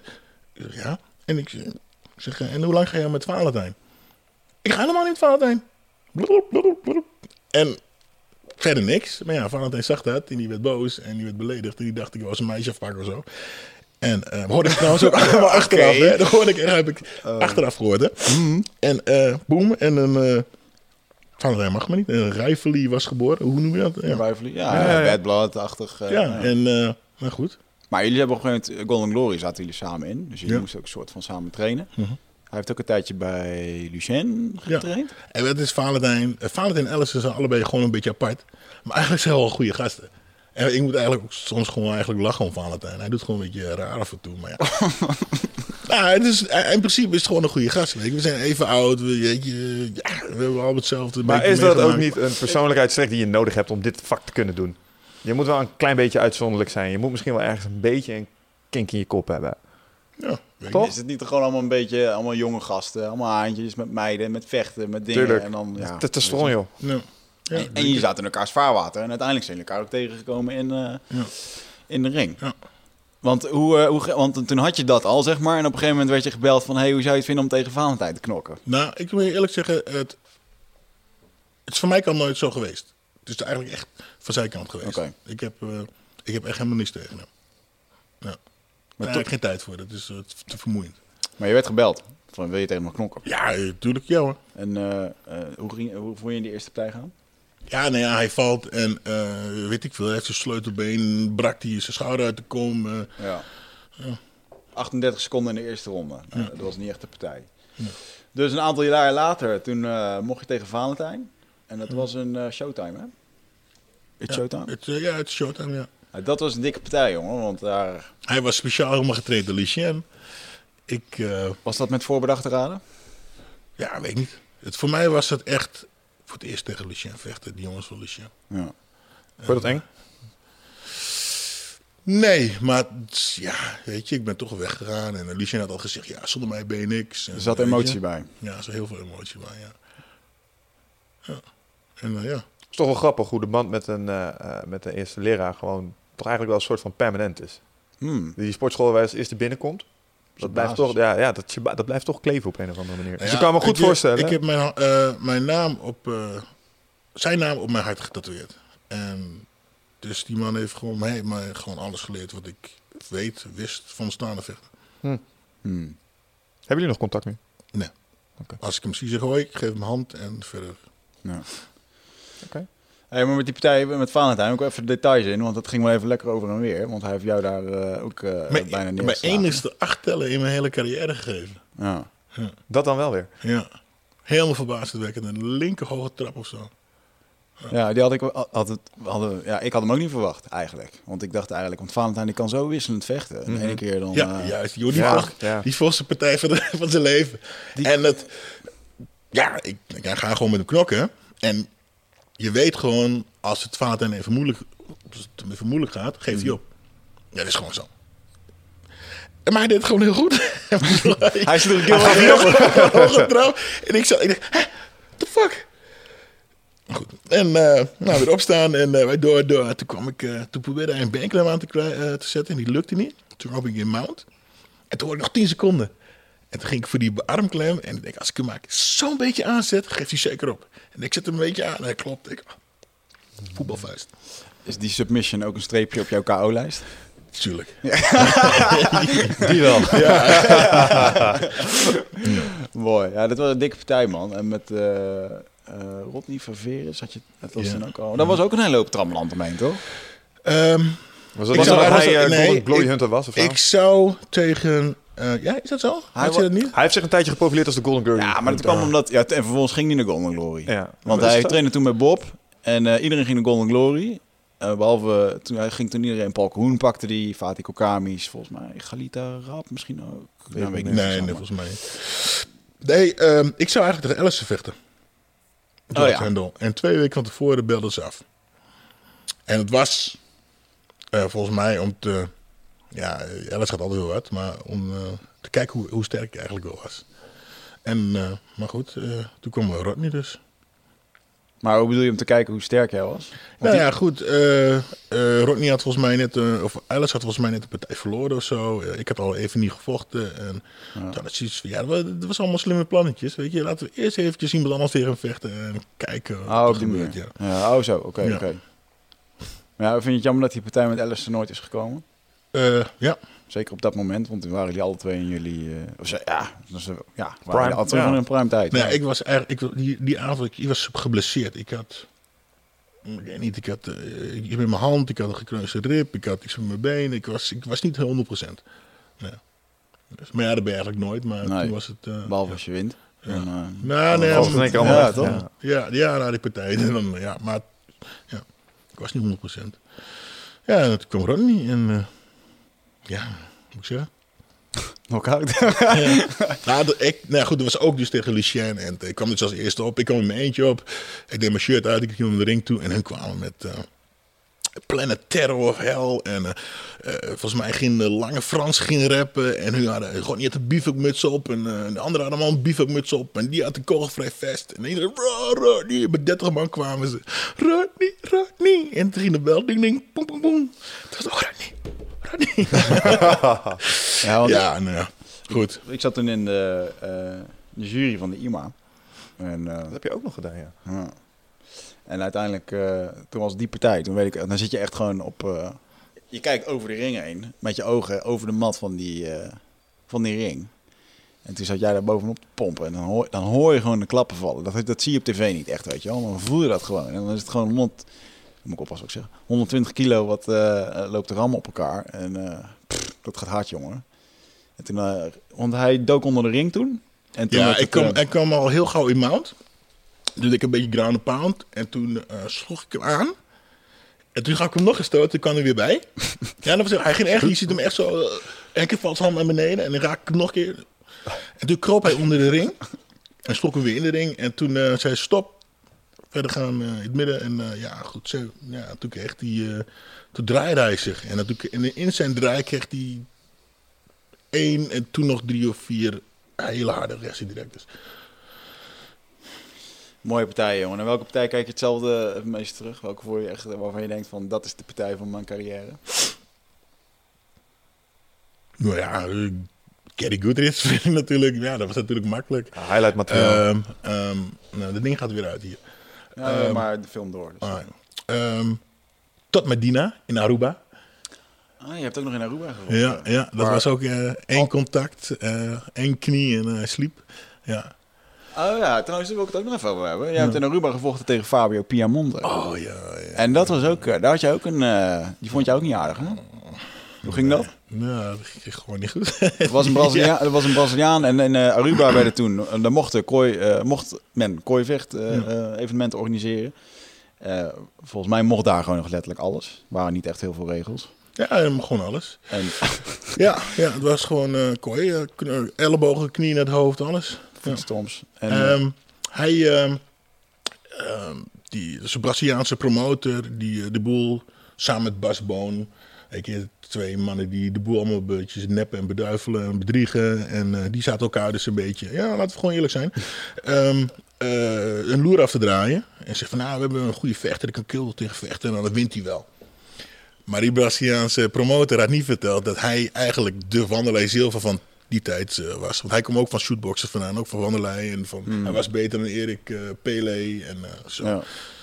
En hij was dus kampioen. En hij, zo kwam hij ook, met zijn, zo'n attitude kwam hij ook. En ehm, eh, niet weten dat ons werd verteld dat hij niks was. En ik kreeg alle aandacht, want ja, ik had het eh, jaar daarvoor ook al gevochten en ik was helemaal bekend geworden daar zo. En ja, ik was, ik deed zoals Gilbert altijd doet. Ik was altijd luid en wild, te gek. En, eh, Valt vandaag wel mee En, trouwens. Ja, de jonge Gilbert. Ja, ja, ja, zeker. die had Ja. terug moeten zien. En ehm, dat botste op een gegeven moment in het zwembad. Weet je, laten we zeggen, het was heel heet. En hij kwam naar me toe en zei, I gotta get out of here, man. If I don't do that, I'm gonna kick your ass before the fight. You're an asshole. Ja, dan kreeg ik een kronkel in mijn hoofd. Maar goed. Zo even uit het niets kwam dit tot stand. ja, Ja, ja, jij zat rustig daar met je drankje met een parasolletje en hij meldt zich plots bij, hey, you're an asshole. Nee, we zaten elkaar natuurlijk een beetje uit te kijken. Hij Ja, zat ik daar, ik zat daar. Maar dit is opgenomen op video. En is, was dat ook omdat er een camera bij was? Hoorde dat een beetje bij het Nee, showmaken? ik was gewoon... Nee, ik, Ik heb dit nooit gezien. Ja, dat kan je wel... Toen eh, we gewoon daar even doorgaan. Nou, het was gewoon, ja, ik was, eh, ik was een heet hoofd toen. Ik was heet. Ik, eh, moest hem bijna vechten, ja. Maar wat ik kikker vond in die partij en waar ik echt eh, eh, als Jitsuka eh met pijn naar kijk, is op het moment dat jij op een gegeven moment die gast een paar keer stond en hij zit op, vervolgens op zijn knieën en op zijn handen. En jij geeft hem gewoon echt een sokkick die in zijn zij, die echt gewoon zijn ribben eruit heeft gepompt. 100%. Weet je wat nog het mooiste was? Toen die partij, jongen, we haatten elkaar dus op dat moment. En die partij begint. En dat is een feit. En we bewegen. En hij, hij komt naar me toe en zegt... So, now we're gonna see who's the world champion. En hij geeft een kick en hij mist. ik moest zo lachen. ja, toen sloeg ik hem in elkaar. Ja. Maar dat was ook echt rauw vechten. Dat was gewoon slecht eigenlijk in het begin. Gewoon waar echt. Ik hem zo graag pijn doen. Hè? Oh. Ja, maar ja, Ja. jij kwam ook echt om te kno- knokken. Dat, eh, Maar dat, het, werd, dat was toen was eventjes persoonlijk. Het was eventjes, ja. was, dat, was dat een van je weinige persoonlijke vetes? Echte persoonlijke vetes zo in de ring? Ja, maar soms heb je dat ook gewoon met iemand. Hmm. Ja. Ja, met hem. En natuurlijk eh, tegen eh, dat ik met Rodney en Valentijn. Maar dat was eigenlijk meer omdat Lucien in de hoek stond. Ja, ja, ja. Maar verder, eh, nee. Maakt maar niks uit, weet je. Dus eh, ja, iets willen je allemaal pijn doen, dus ja. Mooi man. Hey, en ehm, ja, we moeten hem toch stellen deze vraag. Ja, Er is een keer een voorvalletje geweest Dat was ik niet. waarin eh, Wasn't me. iemand waarin, waarin, we hebben eh, videomateriaal, eh, Gilbert. waarin, waarin iemand die op jou leek eh, tussendoor. eh, eh, nou, laat ik vooropstellen dit. We hebben Marco Broersen, de beste scheidsrechter van Europa, hier in de studio gehad. En die gaf jij nog gelijk ook. Dus dat is een win. Ehm, in de zin van, eh, hij kon opgrijpen. Want op een gegeven moment had jij een partij in eh, Zweden. En, Finland. eh, Finland. En eh, jij werd daar, eh, jij wilde gewoon knokken. En er was een scheidsrechter die eh, volgens mij ook de coach was van de was de coach, hij was de, ja, hij was de organisator. Hij was ehm, een paar maanden daarvoor naar me toegekomen. Zei, luister Gilbert, ik, ik heb een gala en kan je niet veel vechten, vechten, kan je niet veel betalen. Maar als je dan voor mij wil vechten, dan krijg ik natuurlijk mensen. hè, En, dat, en ik, ja, zo was ik wel. Ik denk, nou, waarom niet? Doe ik wel voor je. Stom, maar goed. En vervolgens ging die partij heen en weer. En er werd een beetje geduwd en getrokken. Scheidsrechter zat te veel aan jou te plukken. En vervolgens gebeurde het moment dat jij die scheidsrechter een hoek gaf. En nog een trap nagaf. Wat is hierop uw antwoord? was ik niet. Hij snapt dat dit op het internet komt. Nee, Ja. ik- nee, weet je, ik heb, ik heb, jou, ik heb je, je wederhoor al een keertje geho- gehoord in de ringsport. Zo, maar ik vind het wel Nee, oké, ehm, Ik had eigenlijk gezegd, dat ik ga het verhaal mooi vertellen, maar... één, eh, nou, ja, hoe lang is het vliegen van Nederland naar Finland? Uurtje, twee uurtjes misschien. Dus we kwamen daar om een uur of eh, tien, laten we zeggen, elf uur aan. Eh, binnen vijf minuten was hij er al. En hij zei, ik moet nog heel even weg, er komen nog andere jongens aan. En voor het wissen stonden we daar ehm, drie uur te wachten op hem. Eerste keer dat ik mijn gewicht moest halen trouwens ook. Dat was met hypo trouwens ook. Ik moest op gewicht zijn, dus ik had de hele dag al niet gegeten. Ehm, nou, om een heel lang verhaal kort te maken. We kwamen dus overal. Op een gegeven moment was de weging was dus dan een uur of zes, zeven. En toch presteerde hij om ons zo, te laten, zo lang te laten wachten dat we pas om elf in het hotel waren dat we konden eten. Dus nou ja, hoe lang is het van eh, Nederland naar eh, Finland? Twee uurtjes. En dan ben ik om elf uur, tien uur of whatever, elf uur eh, eh, s morgens. En dan tien uur s'avonds zie je pas het hotel. Ja, dat was gewoon, het was gewoon heel duidelijk dat hij gewoon bezig was om de boel op te fokken, weet je. Om eh, ja, weet je, hun te krijgen en eh, niet te eten. Dat was gewoon heel slecht. Nou ja, en ehm, eh, die partij begint en ehm, ik gaf hem al meteen een knie en hij lag half op me. Nou, ik kon opstaan. En toen, ja, zijn neus al- was al gebroken of bloeden, weet ik niet. En hij had al geen zin meer. En de vallen, geef me even door, een beetje, en we vallen bijna uit de ring.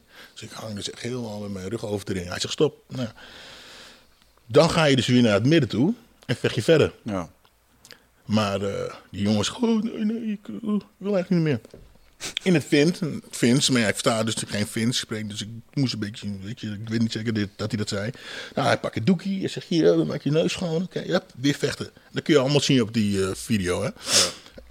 en eh, maar hij zegt, nee, dat wil ik niet, want eh, weet je, hij is sterk en weet je, Kijk naar hem, help me. ja. Hij zei, oké, dan weet je, kom. Nou, dus moest ik dus met mijn rug helemaal over die, over die touw gaan hangen, met zijn hand op mijn keel. Weet je, dat is dus, dat is bedenken ze dan.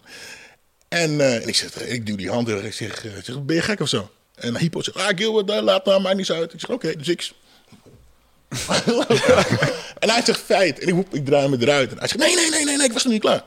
In het Fins, hè. Dus ik ben aan het freestylen, weet je. En hij zei het in het Fins, maar ik neem aan dat hij dit zei. Nee, ik was nog niet klaar. Dus ik moest weer gaan staan. Maar ondertussen, je weet, ik ben niet zo makkelijk. Ik was behoorlijk aan het tegenwerken. Dus, eh, eh, nou goed. En nog een keer. En ik ga weer staan. En ik draai er weer uit. En hij begint weer. En hij, en hij had zo'n klein microfoontje. En hij was hem aan het duwen en trekken en schreeuwen en duwen en trekken en schreeuwen en duwen. En in één keer zegt eh Evil Me... ik sla hem op zijn bek. En ik zo, nee. Ehm, ja. Ah, het is gewoon fucking... Ja. Je ziet gewoon de frustratie op Ja. het moment, toch? Ik heb, eh, je hebt er dan een engeltje en een duiveltje. Ja. En die horen elkaar tegenpolsen zijn, maar bij mij zijn ze vrienden. Dus als Geef elkaar een hand, kom, let's do this. Ja. Ze hebben seks op dat moment. Ja, nou, nou, dus, ik zeg, nee, niet doen, nee, nee, nee. Maar ik weet, oh, en ik dacht, als ik hem nog één keer... En die andere zegt, ja, nou ja, dan, doe, doe het dan maar. En hij duwde me nog een keer. Boem. Ja. Ja, hm, goed. Maar volgens mij, ja, oké. dus dan komt die duivel in je naar boven. Maar je had natuurlijk voor die partij had je natuurlijk ook al wel eens links en rechts eh, eh, je reputatie een klein deukje opgelopen. Omdat op sommige momenten lijkt het wel alsof eh, ja, een stukje straatmentaliteit het soms een klein beetje in je overneemt. Nou, ben ik, ik- ben ik ik- denk dat het, wat het, wat het, dat het is, is waar jij, dat jij dus denkt van, wat is dat? Wat je net Wat ik over had. Ja, wat je denkt van, wat is dat? En ja, goed. Maar jij kreeg op een gegeven moment de bijnaam de bad boy. Ben ik het eigenlijk nooit zo mee, bezig, mee, mee eens geweest? Want je hebt nu dit akkefietje met die, ehm, met die scheids gehad. Oké, niet netjes. Eh, Don Fry was een eh, partij waarbij ja, gesuggereerd werd dat jij eh, bewust in iemand zijn ogen zat te duwen. Ik heb het eigenlijk niet zo ervaren in die partij. Ik ook niet. En buiten dat heb ik eigenlijk altijd een sportieve vechter gevonden, weet je wel. Nou, die, Zijn er nog andere partijen geweest waarvan ik... eh, Maar op zijn Wikipedia staan er nog... Ka- Karimula werd er nog eh, bij genoemd. Ja, er staan wel een paar dingen op je pagina, vindt. Ja, Nee, maar ja, van, de, ehm, van, de, van de 50 partijen die die heeft gevochten. Ja, nee, ik dat snap het ook wel. Hey, eh, en-. Nou, Laten we wel wezen, eh, in de heat of the moment kunnen er ook dingen gebeuren. Dat, nou eh, die, dat, de naam The Bad Boy, dat kwam eigenlijk uit Japan. ja. En ehm, omdat ik voor de zoveelste keer weer zo'n gele kaart kreeg. Weet je, mensen begrepen mij gewoon niet zo goed. Weet je? ja, of jij de regels Dat- niet. ja, dat is, Ja, jawel, maar weet Dat is een hele mooie manier om te ik- verkopen. Ik was gewoon iets apart. En eh, toen had ik zo'n idee, weet je, weet je wat? Nou, die volgende gele kaart, ik neem hem gewoon, ik maak een hele grote reuze gele kaart en dan, kom ik volgende keer mee op. Ja, dat vonden ze zo geweldig, dat eh, Japan, de Japanse dat organisatie... heb je ook nog gedaan ook. Ja, Ah, ja, die, Heb je, die gaf je toen aan, de, aan die scheidsrechter, die, die kleine, toch? Ja, die, ja, eh, ja, hoe heet ja, die? die, die irritante, ja. Die samurai. Nee, niet die samurai, die, die dikke. Ja, Nou, hij, Ik had altijd wat met hem. Ik, hij, ik weet niet, hij en ik hadden altijd wat. Maar goed. En, ehm ehm, wat nog meer? Eh, wat zou ik zeggen? Nou, toen kwam dus, eh, die organisatie vond het zo geweldig. Dat ze zelfs vroegen aan mij van... Hey, weet je wat, eh, zorg gewoon dat je een paar keer een gele kaart krijgt... en dan kost je je geen 10%. Maar ja, en toen kreeg ik die partij van Jeremy Horn. En toen werd het dus een nette partij. Vroeg- even, even dat ik je goed snap. Ze zei die dus van tevoren, souffleerde ze je een beetje van... Hey, het zou best wel spectaculair zijn als jij wat overtredingen maakt. En dan geven we je geen, eh, zeg maar, geen straf op je, gele kaart. purse. Krijg je wel je gele kaart, weet je. Hij heeft weer een gele kaart. En, eh, maar dan word je dus niet, eh, word je, ja, word je niet geïnd. Want het is spectaculair. Juist. En ik heb er dus niet gedaan, want ik zat aan de ene kant toch wel mee van... Nee, ze vonden dat ik, dat ik een bad boy was, maar dat was ik stiekem eigenlijk niet. Uh, misschien een beetje wel, maar niet zoals iedereen het dacht. En toen heeft Bob Sepp kwam en die deed het dus wel. En die is nou multimiljonair, die woont in Japan. Ja, Keuzes, hè? keuzes, jongen. Heb Ja. je nog meer eh, mooie verhalen over hoe dat in Japan ging? Want er, eh, er zijn nu een aantal dingen. Hè, want ik herken het uit duizenden die, die verhalen die je zegt van ophalen op vliegveld, tien uur laten wachten, geen eten, slecht. of- Überhaupt gala's organiseren is al een kunst alleen. En dat werd vaak al slecht gedaan. Maar als er dan ook nog een keertje een agenda bij zat. Eh, waarbij we eh, de lokale favoriet, eh, hè, die laten we lekker een half uurtje van tevoren lekker opwarmen. Ik heb het ook wel eens meegemaakt met Remco, dat ze hem eventjes eh, drie keer lieten opwarmen. Nee, nee, toch aan het einde van de dag. Ja, dat, dat is kut. kutgeintjes, weet je wel. En eh, als, zeker als vechter zijn, dan word je daar gewoon uit je game eh, gehaald. Ja, ik heb. eh, ehm, de, ik draai mijn hoofd. Ik denk mijn. Was het tegen Tamu? Eh, ja, tegen eh, TK. Tegen uh, Tu- ik weet niet. Ko- Hup, hup, hup, Kosaka. Kosaka. Tsushi Kosaka, Dat Ring die- Rise. Dat ik dan heen ging en iedereen wist, nou, Gilbert, die gaat deze partij verliezen in Japan. Ik sloopte hem. En, en dat hadden ze zo duidelijk niet verwacht. Dus ik, ik trapte hem gewoon in elkaar. En elke keer als hij op de grond lag, dan ging de scheidsrechter, duwde mij dan naar achteren in mijn buik. Hard. Weet en dan moest mijn scheenbeschermers moesten weer recht. En dan moest mijn knie, elleboogbeschermers moesten weer recht. En schaaf hem maar steeds tijd. En, eh, en bij Tamura ook, toen ik tegen hem vocht ook. Ja, ze zeiden van, nou, we doen geen acht tellen. Maar als je hem aanslaat, als iemand aangeslagen wordt, is de partij afgelopen. Nou, ik heb wel honderd keer aangeslagen. En maar hij mocht maar door. Ja. Ja, maar Japanners hadden sowieso een ernstig hekel aan eh, Nederlandse vechters volgens mij. Dat zat hem ook een beetje in wat we in de K1 aan het doen waren. Ik dacht, Dat heel zeggen negers. Nee, nee, nee, nee. nee. Had je dat gevoel, ja? nee, nee, nee. Nee, maar het is natuurlijk wel zo dat we daar als Nederlanders echt tientallen jaren ook eh, een van hun grootste kickbox-evenementen altijd hebben gedomineerd. De K1. Ja. Hè, met name Nederlanders kampioenen geweest daar. Dus eh, Ja. ik kan me voorstellen dat Nederland als vechtsportland ook wel een bepaalde reputatie daarop heeft gebouwd. Nou ja, eh, Japan eh, Japanners, ze zijn, ja, ze zijn gewoon... Ze zijn, ja, de Japanse vechters zijn goden daar gewoon. Ja. Weet je, die, eh, dus die kunnen neergaan en dan opstaan. En dan worden ze, ze nog erger, nog meer god. Ja, dus... Ik vind het jammer dat jij nooit tegen Anthony Inoue hebt gevochten. Zo. Had ik een mooie partij gevonden, gevonden denk ik. Gewoon omdat uh, Ensen eh, vaak vijf rondes lang wel kan ontvangen. Ja, En jij dat wel kon geven. Mhm. Was dat een mooie partij geweest, denk Oh. ik. wat grappig. Maar Volgens mij had uh, Alice, of nee, Alice, Martijn de Jong niet tegen hem gevochten. Of tegen zijn Heat, broertje. Heat Hearing, toch? Nee, nee, nee. Nee, Martijn heeft ook nou, een keer tegen het broertje gevochten. ja. Oké. dan- In, eh, was dat niet in eh, Hawaii. Amerika? Hawaii, ja. Ja. Hawaii. Ja, inderdaad. Maar ik vind Ensen sowieso wel een eindbaas. Die gast gaat elke keer de ring in met het idee dat hij doodgaat. Die schrijft brieven naar Die zijn schrijft- familie ja. voordat hij, eh, voordat hij is een. Ja, ja. maar dat is echt een mafkees. Maar ik vind hem, hij heeft ook een boek geschreven. Moet ik trouwens nog wel lezen. Maar ik, eh, ik kom hem vaak bij de Joe Rogan Experience. Oké. Dat is een Amerikaanse podcast die afgekeken is van eindbazen. Ja. Hoe durven ze? en eh, eh, ja, nee, dat vind ik wel een... hij is ook een slimme vent. En ook hoe hij dan eh, praat over de Yakuza en zo met de Pride. Heb jij er ooit iets van meegekregen van Yakuza en Pride? Nee. Ben, je- ben, je- ben je beëdigd door je denken. tatoeages? Nee, ik ben even aan het denken. Ja, we zijn eens een keer uitgenodigd in een restaurant. Daar, dat er, eh, ja, dat je dacht van oké. Wie zijn Maar dit? Ja, maar ja, is altijd, die gasten zijn altijd. Eh, ja, eh, ik, ik, sorry, om het uit te leggen. ehm, ik zag laatst documentaire over de Ya- Yakuza in Japan, een klein stukje. En het is precies zoals ze daar zeggen. Je ziet geen mafketels, zijn gewoon mannen in pak. Gewoon zakenmannen. En je weet het eigenlijk gewoon niet. Sommigen missen een pink. Of is dat Ja, dan? maar ja, daar moet je ook maar even op letten. ja. Weet je, nee, maar eh, nee, dus je komt in een restaurant, je je handje hier, handje daar, handje zus, handje zo. Weet je, en eh, hoe hoger de, bazen ook, hoe hoog die bazen ook, oh, hoe hoog die bazen ook waren, ze waren gewoon allemaal fan van ons. Ja. Dus of het nou een grote baas was, of de, de ballenjongen of de handdoekjenjongen, je zag het verschil niet tussen eh, hoe, hoe enthousiast ze waren. Dus ja, ik, eh, ik heb nooit gemerkt wie, hoe of wat was. Heb je dat wel eens raar gevonden? Dat, ehm, of frustrerend? Tenminste, als eh, fan van de sport zijnde vind ik het altijd jammer als ik over ehm, nou, onze sport vertel. Dat sommige mensen echt geen idee hebben welke Nederlandse toppers er zijn. Ze hebben geen idee wie er eh, goed zijn in Nederland, wat ze gedaan hebben in het buitenland. En dat, zoals ik denk dat als jij nu naar Japan zou gaan, zou het maar zo kunnen zijn dat je alsnog wordt belaagd voor handtekeningen, bij wijze van spreken. Hè? Daar sta je echt op een voetstuk. Heb je dat zelf nooit gefrustreerd? Dan sta je daar te knokken. Word je zo'n sta je voor 50.000 man in een honkbalstadion. Iedereen juicht om je. Kom je op Nederland, er staan waarschijnlijk nog niet eens mensen op Schiphol op je te wachten. bij wijze van spreken. Nee, maar je moet verbaasd werken hoeveel mensen me toch kennen. En dan ja, ben ik dan toevallig wel een beetje het gezicht van het free fight geweest Mhm. toen die tijd. Dus ja, ik, ja, ik- het is er anders, maar ik heb, ja, ik heb nog steeds overal waar ik kom eh, dat mensen me herkennen. Dus ja, ik heb, ik zelf, Herkenbaar hoofd. ik, ja, ja, ik heb zelfs een keer, ik liep een keer door de stad heen en toen liep een hele net, nette man en een hele nette dame liep voorbij. En ik hoor die vrouw en ik zeg, oh, dat is toch die Gilbert Heuvel? nou ja, toen... eh, ja, dat leuk, heel- hè? Ja, vond ik heel grappig. Ja, dat snap ik. Ja.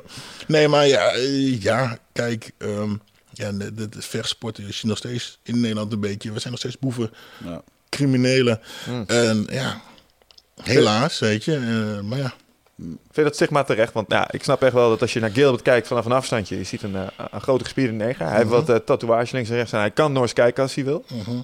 Wordt toch geassocieerd met een bepaalde ruwheid. Vind je het terecht? Het stigma dat de vechtsport in dat, soort, in dat opzicht, hè, kampers, Marokkanen, alles wat eh, maar zeg maar eh ja, narigheid kan trappen, dat eh, doet dan kickboksen. Ik vind het volledig, zelf zit ik in een andere hoek, maar hoe ervaar je dat?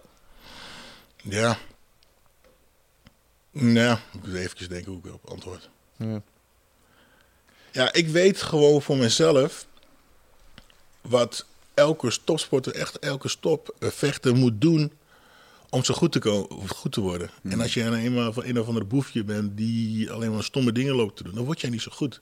Kijk, er zijn natuurlijk genoeg jongens die heel goed waren, die toen de verkeerde kant zijn opgegaan. Ja.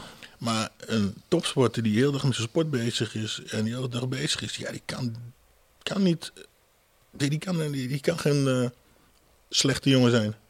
Ja, ik, hoop niet, ik hoop dat ik het goed zeg. Die kan geen. eh, Die heeft geen tijd om crimineel te zijn. ja, precies. Ja. Ja. Hmm. Ja, het is een. eh, als ik dan kijk naar die gala's waar ik jou voor het eerst zag, ik vond het altijd. eh, in het begin vond ik het zelfs leuk om gewoon op tijd daar te zijn. Want je wist altijd dat het drie uur uitliep. Dan kon ik gewoon twee uur lang kon ik mensen Noem kijken. één Nederlands gala dat op tijd Fuck, gestart wat is. dat slecht georganiseerd, weet je wel? Dat gewoon... eh, ach. Ja. Maar op een gegeven moment, ik vond het gewoon lachen. Dan ging ik daar gewoon zitten en dan eh, ja, was het gewoon mensen kijken. Weet Hoe zat dat trouwens bij Heat FC, jongen? Begon je altijd op tijd? Stip om zeven Stip, uur. hè? jongen. Ja. Dat heeft gewoon te maken met De een draaiboek. De juiste mensen op de plek. En eh, ik heb geen idee waarom... Ja, het is gewoon... Als je... Ik, ik weet niet eens waarom mensen het niet lukt om... Ja, ik heb ook wel achter de schermen gekeken. Het was ook altijd chaos je? achter de schermen. Waarom is gewoon, gewoon dingen op tijd en allemaal die uitzonderingen met vechters en dingen of eh, rare dingen als ge- geen gages. Ja, ik heb ook wel eens een keer de buis hangen. Had ik een gala georganiseerd. 21 partijen stonden nog. En in drie dagen tijd had ik er nog maar 11. En dat waren 11 poppartijen die alleen maar knaken kosten van gasten die dan eh, uit Amsterdam kwamen en eh vijf Dus man publiek. Ja. Dus ik heb het gewoon afgezegd. Ja, je kan er ook maar weer de gok op doen om het dan door te laten gaan. En dat soort verhalen weet ik zeker die jij ook mee hebt gemaakt met eh, of de jongens die je nu begeleidt of zelf. Geen gages, geen dingen. Heb je zelf een keertje geweigerd om te vechten omdat er geen gage was? Of dat je dacht dat er geen gage was? Ik heb ooit een keer geweigerd om te vechten en toen was ik geblesseerd. Ja. Dat was in Ahoy zelfs. En toen zei ik dat ik geblesseerd was, maar ze wouden me niet betalen. Niet wat wij wou- wilden. Hoe wist je dat van tevoren? Hoe kwam je er van tevoren achter? Ja, dan de organisator was toevallig ook mijn manager. Ja. En die zei, ah, kom wel goed, kom wel goed. Zei, maar het kan niet goed. En nog steeds op de dag van de partij uh, wouden ze me de helft geven. Ik zei, ja, dat waren we dus niet mee eens. Nee. Dus, eh, ja, en als jij je man jouw manager de gaan organiseert, dan dat, dat werkt gewoon niet. Want dan gaat hij dus niet in, eh, in, zijn, in jouw voordeel eh, eh, voor je zaken doen, maar in zijn eigen voordeel. Hmm. En dat, eh ja, dat botste. Ja, en toch kan zo'n manager ook alweer heel veel voor je betekenen. Door je veel partijen te geven. En, eh, maar je zag het inderdaad ook bijvoorbeeld toen eh Alistair hier zat en dat over Martijn zei. Van joh, in het begin makkelijk, want je, je kan het overal partijen vechten. Je, je kan een vechten echt maken. En op een gegeven moment ja, gaan dingen door elkaar heen lopen. Trainer, organiseren, Mhm. geen focus meer, dat soort dingen. Heb jij je nu, nu coach je ook jonge, jonge gasten? In eh, Duitsland? Duitsland? Ja, nu erg wat minder. Eh, deed ik wel. Heel veel, ik van rij overheen naar Kroatië, naar hier, naar daar. Dus, boah, maar Ja, je hebt een van mijn beste vrienden, Dwayne van Helvoort, een keer gecoacht in, Ja. Duitsland. En die was toen ziek. in, in, in Kroatië, de reden ik. Ja, En die was toen, maar die was erg onder de indruk over... want hij, ik had jou heel lang niet meer gezien. Hij zei, ja, Gilbert gaat me coachen. Dacht, Nou, is dit het nieuws van Gilbert? Maar hij was echt onder de indruk van hoe, jij, hoe zorgzaam je, je bent voor je vechters. Hoe, eh, hoe kijk je tegen coachen van jonge jongens aan? Is dat iets eh, wat je wil doorzetten? Ja, maar ja, ik, ik heb nu een beetje in Duitsland, vind ik een beetje een deksel op mijn neus gekregen daar zo, weet je. Ik ben eigenlijk soms te aardig. Maar het, ik vind het wel leuk, weet je, want... ehm, Want wat is, Ik- het, wat is het verhaal in Duitsland? Ook eventjes dat. Hoe, eh, Ehm, nou ja, ik eh, ben natuurlijk altijd overal met de jongens heen gegaan en eh, ik kreeg er nooit geen geld voor. ja, maar en- je bent op een gegeven moment naar Duitsland gegaan. Waarom Oh, ben je naar oh, Duitsland oké. gegaan? Gewoon van het begin. Oh nee, ik, zat, eh, ik, zat, eh, ik was net uit Amerika, ik zat heerlijk op de bank en ik kreeg een bericht van iemand. Ik zeg, hey eh, Gilbert, ik heb een, sportschool openen in Duitsland en ik wil dat je les kon geven. Ik denk, ja, dag. Ik zeg, waar? In Düsseldorf. Nou, dat is een pleurisend weg. Ik denk, eh, nou, dat gaat er dus niet worden. Hij zegt, nee man, noem een bedrag en eh, dan, eh, dan krijg je dat bedrag en dan krijg je een auto voor je en dan eh, komt goed. Hmm. Ik zeg, oké. Dus ik dan noem een bedrag. En hij zegt, nou, dan gaan we even over onder- onderhandelen. En ja, we zijn nog drie jaar verder. En ik rijd drie keer in de week naar Duitsland. Hmm. Ja. Oké, dus dat is niet, is niet geworden wat, het, wat je had gehoopt. Nou ja, ik heb er gewoon twee, tweeënhalf jaar. Ik ga er nog steeds af en toe heen. eh, maar ik heb gewoon eh, twee, tweeënhalf jaar ben ik eh, bezig geweest. Jongens opgebouwd. Jongens, ja, we wonnen alles in. ik denk de eerste drie jaar hadden we drie partijen verloren. Ging gewoon goed. Ja, we wonnen alles. Maar ja, het mocht. ik, ik kwamen er. eh, ja, nou goed, misschien dat ik een beetje te duur was. Ik kreeg minder. ik was minder nodig. Hmm. En eh, daardoor ging ik ook dus minder mee op eh, wedstrijden. Weet je, wel. als ik niet met ze getraind heb en, eh, ja, en ik word niet betaald, van, weet je, en dat Ja. heb ik dus twee jaar gedaan. Maar weet je, Ja, twee jaar, die twee jaar had uiteindelijk op die manier moeten terugverdiend verdiend worden, toch? Dat is een beetje de Ja. strategie. En schoorsteen moet ook gewoon roken. Dus dat ja, is precies. Dus ja, en, eh, ja, dat is wel een beetje jammer. Maar het is geweldig om met jongens eh, bezig te zijn, weet je. Want ik, ja, ik voel, ik weet wat ze, wat ze voelen eh, op, eh, op dat moment als ze aan het, in die kleedkamer zitten voor die partij. Ja. Ik wil het nog wel eens opschrijven op Facebook, maar dat is echt heel grappig om die, die, die, hoe, om dat, het gevoel, Hoe zou je dat beschrijven? dat gevoel. Hmm. Ehm, alleen. Helemaal alleen. Ehm, ik kan jullie nu van alles vertellen wat ik wil. En jullie kunnen me geloven of niet geloven, dat maakt in principe niet uit. Maar als je die ring instapt, ziet iedereen of je hard genoeg getraind hebt, of je afgetraind, of je bang bent, of je een echte kerel bent. Of... Dus ja, dit is het echt het. eh, ja, er is geen eh, verleden tijd dan, er is geen toekomst, alleen dat moment telt. En ik heb ook altijd het gevoel, als ik een partij had, dat er, ja, er bestond niks aan na die partij. Weet je, ik weet, eh, nou, het is vandaag is het eh, zaterdag, morgen is het zondag. En dan eh, maandag ga ik dat weer doen. En, maar als je een partij had zaterdag, dan bestond daar... Ja, er stond, er bestond niks na die partij. Er stond alleen die, die partij. En dan, ja, nou, ja, en dan zit je daar en je kan natuurlijk niet tegen iemand zeggen van, ik ben bang. Je, je bent bang, maar ehm, ben je bang om te verliezen? Of nou ja, ja, ben je, bang om, je bent bang om te verliezen. Je bent niet bang om klappen te krijgen. Je, bent- je bent bang, eh, weet je, ben ik wel goed genoeg geweest? Heb ik, had genoeg getraind. eh, kan ik het weer opbrengen om? Kan ik diep genoeg gaan? Eh, en niemand kan je erbij helpen, want je moet het natuurlijk ook weer stoer zijn, weet je. En eh, ja. ja, het is gewoon helemaal alleen. Je bent gewoon helemaal alleen. Kon jij het Ja. zien in je tegenstanders? Hoe ze in hun vel zaten? Want het is ook een soort pose voor de overkant. Want als jij daar met angst in je ogen staat, dan gaat die andere gast natuurlijk groeien. Die denkt van ja, haha, hij heeft er geen zin in. Ehm, in mijn goede tijd, als ik de ring in kwam, wist ik dat ik ging winnen. Mijn tegenstander wist dat ik ging verliezen. Einde verhaal. Kan je checken. Ja, dat is goede houding, denk ik. Ja. Toen ik een beetje, wat, weet je, dan ging wat minder met Liesje en met dingen, met dat. En dan, ja, dan ga je zelf ook twijfelen. En dan hadden die jongens zouden van, hé, hey. weet je, want dan was je meer met jezelf aan het vechten dan met je tegenstander. En dat had ik met eh, Chicago, was ik echt tegen mezelf aan het vechten. Ehm tegen Alistair eigenlijk ook wel een beetje. Ehm nou, in UFC vooral. Weet je, van wil ik dit wel doen? Wat doe ik hier? Weet je? Oh, ja. Ja, dat je naar die ring loopt en je denkt, wat ben ik nou weer aan begonnen? Ja, jezus. Nee, maar ja, dan ben je dus echt tegen jezelf aan het vechten. En vroeger niet. Vroeger was ik... Ja, ik ging die gas, die gas gewoon slopen. En dat, dat, er was geen twijfel in mijn... Dat was gewoon zo. En jij kwam kijken, dat wist jij ook. En, eh, mensen die, wisten, die kwamen kijken en die wisten, nou, Gilbert gaat hem slopen. Hoe lang gaat het duren? Weet je, ik ken, ik ken een verhaal, een jongen die, die had een kaartje gekocht, die of net een tafel besteld. En die pakt zijn telefoon om zijn meisje te bellen. Hij zegt, ja, het begint nu. En laat zijn telefoon vallen. En dan pakt zijn telefoon op, ding, ding. En dan was afgelopen. En dan heb je best wat betaald voor zo'n avondje als je zo'n tafeltje zit. Dus eh, Ja, dat was ook een mooi, die VIP-tafels. ja, Wel ga een feno- fenomeen op zich. eh. Heerlijk gaais wat erop zat, lekker te pochen en dan echt gewoon... Ik had dan wel eens het idee dat soms de meeste tafels die werden gevuld met mensen die echt eh, een heel jaar sparen voor zo'n tafel.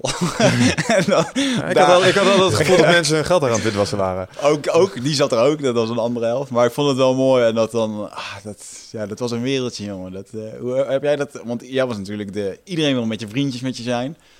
Eh, daar heb je zeker ook een, een radar voor ontwikkeld, ook op jonge leeftijd. En ik denk ook wel dat je dat leuk vond. Maar, Nou ja, voor mij was het gewoon altijd eh, handjes schudden. En dan kwam die naar me toe. Hey.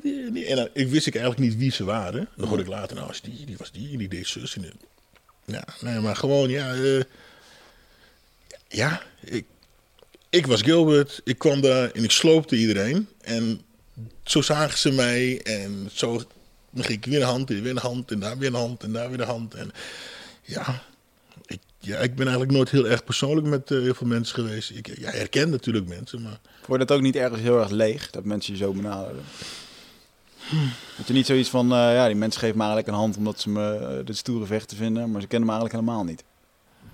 Ja, maar draai die eens om. Draai, betrek die eens op jezelf. nee, Jij hebt maar- ook wel eens dat mensen naar je toe komen. Hé, ben jij niet Wicht van Eindbaas? Dat dat Vind- streelt je. Vind je het ook leuk? Dat zelfs, hey, zelfs Gilbert, jij kende mij bij de fysio.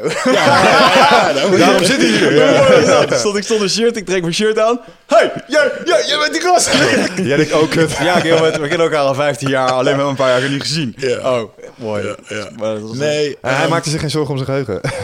ehm, ja, ik heb wel eens eh, achteraf, weet je, van... Ja, ik ben meer dan alleen maar vechter. Hmm. Weet je? Hmm.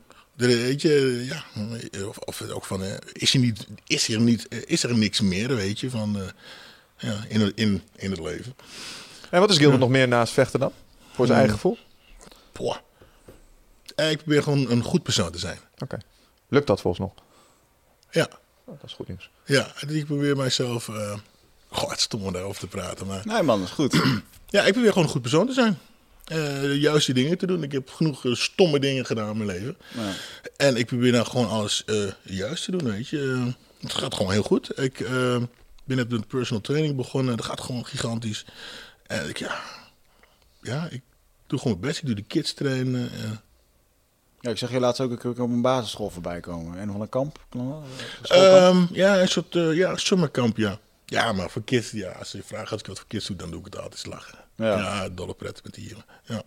Want je geeft ook, ik, je, ik geef- je, geeft ook les aan kinderen. Ja. Echt jonge, of zijn ze acht jaar of zo? Zes? In de bij, bij mij? Nee, jong, eh, ouder hè? Bij mij is de zes, eh, tussen 4 en 5 en 8 en van, eh, of, van 8 tot en met 12 of zo, of 13. Zeg ik dat goed? Ja, volgens mij wel, ja. Je krijgt MMA-les van hem. Naast de oefeningen zoals hoofd, schouders, knieën en tenen. Waar Gilbert eh eh, sadistisch staat te filmen en ze voor de gek loopt te houden, maar ze het zelf nog niet in de gaten hebben. Nee, maar ik was, dus, ik was goed met die jongens bezig. Even kickboksen, even hier trap, even trap, zo. Hup. Zegt hij, ik wil weer even wat doen voor mijn schouder. We waren al 20 minuten bezig. En ik ja, oké, ga maar even staan. Ja, goed, ja, dat vind ik leuk. Ja, is toch lachen. Ja. ja, humor is een belangrijk ding in jouw leven. Ja. Een beetje lachen en... Ja. Hey, heb je zelf ook, je hebt een kids hè? Gaat jou, je hebt een zoontje? Ik heb een dochter, een zoon en nog een zoon. Dochtertje kwam onlangs met een vriendje thuis. Ja. nou, ehm, was- het was eigenlijk de tweede. De eerste was een lapsfunctie die niet, niet eens binnen durfde te komen. Zo'n zo'n zo'n Ken je Bad Boys 2? Ik krijg meteen Ja, dat gevoel. ja, dat ja, gevoel. ja, ja, ja. Oh, Nou, wil- you, Reggie? Ik, ik wil echt eerlijk zeggen dat ik ook... Hij stond beneden, ik deed de deur op. Zo! Nou, had hij zo'n, skinny jeans aan. Ik dacht, eh, joh, nou goed. Maar zij, weet je, het gaat niet om mij, het gaat om haar. Zij was verliefd. Maar goed, die lapsom was al gauw weer voorbij. Hoe oud is je dochter nu? eh, 16. 16, oké. Nou, dat wordt serieuze leeftijd. En nu heeft ze Jochie. ehm, ik vergeet gewoon zijn naam. Oh, heel erg. maar goed, We noemen is- hem Bob. Maar hij is eh, een, een leuk jochie. Hij is heel lief. Hij kwam bij, hij kwam bij mij binnen. En, eh, hij is aardig, 1,85, dat is aardig lang. En eh, hij wist helemaal wat hij wou. En uh, wat school die ging doen. En uh, ik zei, nee jongen, gaan we eens even zitten. Toen gaf ik hem de, X, de, de, de preek. Gaf ik hem de controller van de Xbox. Ik zeg, zo, laat jij maar even zien of je Call of Duty kan spelen. Nou, dat kon hij. Dus dat was goed. Ja. ja. Punten. En toen stond ik op, toen liep ik, ik heb gewichten thuis liggen. Dus ik zo, volgende test. ik naar het gewicht naartoe. En hij werd helemaal rood. En ik zeg, nee, dat is een geitje. Nee, maar het is, hij is echt het is een hele leuke jongen. En uh, zij is echt uh, heel blij met hem. En ze, het gaat super goed met haar. En uh, ja, leuk man. Ja, man. Gaat je zoontje, want je hebt ook een zoontje, gaat die nog een keer ringen? Heeft hij ambities of niet? Ja, hij is nu heel erg voetballen. En dat doet hij gewoon heel goed. En E-top in uh, Zaandam. En, uh, Valt ook meer mee te verdienen trouwens. Mm. Dus, uh. Ja, misschien wel. Ja, hij vindt kickboksen ook wel leuk. Maar ik had een, dan ja, heb ik hem dan wat geleerd. En dan staat er weer een vader. Stond de laatste er een vader aan de deur. Met een, van het voetbalteam. Ja, van de buren. En, wow. en iets ja, ze, ze, hadden gevochten. En Jaden had hem dan een knie op zijn hoofd gegeven. Dan moet ik, aan de ene kant moet ik wel lachen. Maar aan de andere kant denk ik, oh, weet je, want zelf geld breekt zo je zijn neus of iets, weet je. Ja, en het zal je kind maar zijn. Ja, of, hij, of die andere doet het bij jouw kind. Zo is ja, het ook, toch? Ja, sorry, dat zal je kind maar zijn. Dus ja, eh, eindelijk al was ik natuurlijk wel weer. Stiekem een beetje trots. Trots, hij, had gewonnen, maar weet je... knieën. Ja. maar ik zeg ook van, luister... Uh, doe het dan, weet je, als je een echt, echt ruzie hebt, iemand valt je aan, doe het dan. Maar niet omdat uh, hij de bal weg oh, Ik dacht even dat je gaat zeggen, sla hem dan op zijn lichaam. Want dan kunnen ze tenminste niet bewijzen. Weet ik welke keer heb gehad, dat vond ik zelf heel erg grappig. en hoe uh, bevend stond die vader bij jou aan de deur? Nee, hij zag mij en hij zei van... Oh, ja, je had het ook allemaal niet moeten doen. hij gaf zijn eigen zoontje direct op de flikker. Ja, nou, nou, hij was echt wel een beetje... Hij, hij, ja, hij was echt even niet... Uh, hij stond niet achter zijn zoontje. Dat zie jij, damn right, white boy. Ja. maar luister dan. Ik had uh, een andere keer, dat vind ik heel grappig.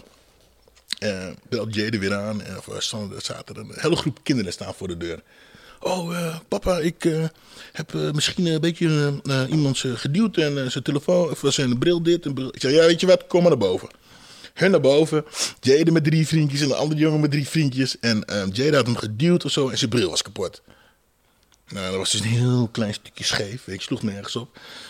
En die, tegen die groep, nou, ruzie maken, een beetje bekken, doos. Ik zeg, weet je wat, wacht maar even. Ik heb twee, handen, twee paar handschoenen gepakt.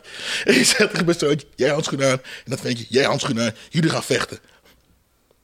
en mijn zoontje van, ja, dat ga ik niet doen hoor. Dat ga ik niet doen hoor. Ga ik, niet. ik dacht, jij dan terug mijn handschoenen aan. En de andere ventje, oh. maar die trok wel zijn handschoenen aan. En ik, nou, dat was gewoon echt heel grappig. Keek bang. Dus eigenlijk had zijn handschoenen aan. Ik zeg, oké, dan gaan jullie gaan dan, uh, gaan aanmoedigen. Uh, jullie ook. En dan uh, ga je die eerste opkomstliedjes zingen. En, uh, maar dat ventje naast zijn bril, dit doet uiteindelijk dit ventje zijn bril af. Ja, toen zei ik van, ah nee, het is een geitje. En dat gezicht van dat ventje... dacht even, je neemt het op en je zet het op internet. nee, nee, het gezicht van dat ventje, helemaal zo... Oh. Ik zeg, ah ja, hij moest bijna huilen. Ik zeg, kom hier jochie. Ja, man. Ah, dat was het. Ja, goed, dat vind ik humor. Ja, dat is en, grappig. Uh, ja, was, ik, vond ik heel grappig, ja. En, uh, ja. ja. Mooi. Hey, en um, eigenlijk de grote vraag die iedereen bezighoudt. Is... Um, win ik die uh, 18 miljoen vanavond. Is ook dat, reisje. Ook ja. dat, inderdaad. En hoeveel wij daarvan krijgen. Ja. Um, maar buiten dat vertelde jij onlangs dat je ook weer s'avonds gaat trainen. S'avonds? Of dat, uh, dat je in ieder geval weer vaker gaat trainen. Waar ik uit op mocht maken dat jij misschien wel weer eens een keer een entree zou willen maken. Is dat iets wat je in de planning hebt? Um, ja, wat moet ik zeggen? Het kriebelt soms wel. Weet je? Maar ik ben ook niet voor niks gestopt met vechten. Want ik, ja, ik heb het gewoon eigenlijk gewoon, gewoon gehad. Weet Ja. je? En, ehm, maar ja, weet je, je loopt wel weer op de sportschool. Je komt wel weer een beetje in vorm. En de aanbiedingen blijven nog steeds komen, weet je. Is het dan de afweging puur alleen uh, het sporten? Het lijkt me gewoon weer vet om te knokken. Of zit er dan misschien ook... Ah, het kan financieel ook interessant zijn. Zit het er ook Ja, een maar ja, beetje het in? is... In eerste instantie is het dan gewoon van, weet je, voor mijzelf om toch nog maar een keertje te knokken. Hmm. Maar ja, dan komt natuurlijk wel weer de financiële kant. En dan bieden ze een bedrag, denk ik van ja, Liever niet.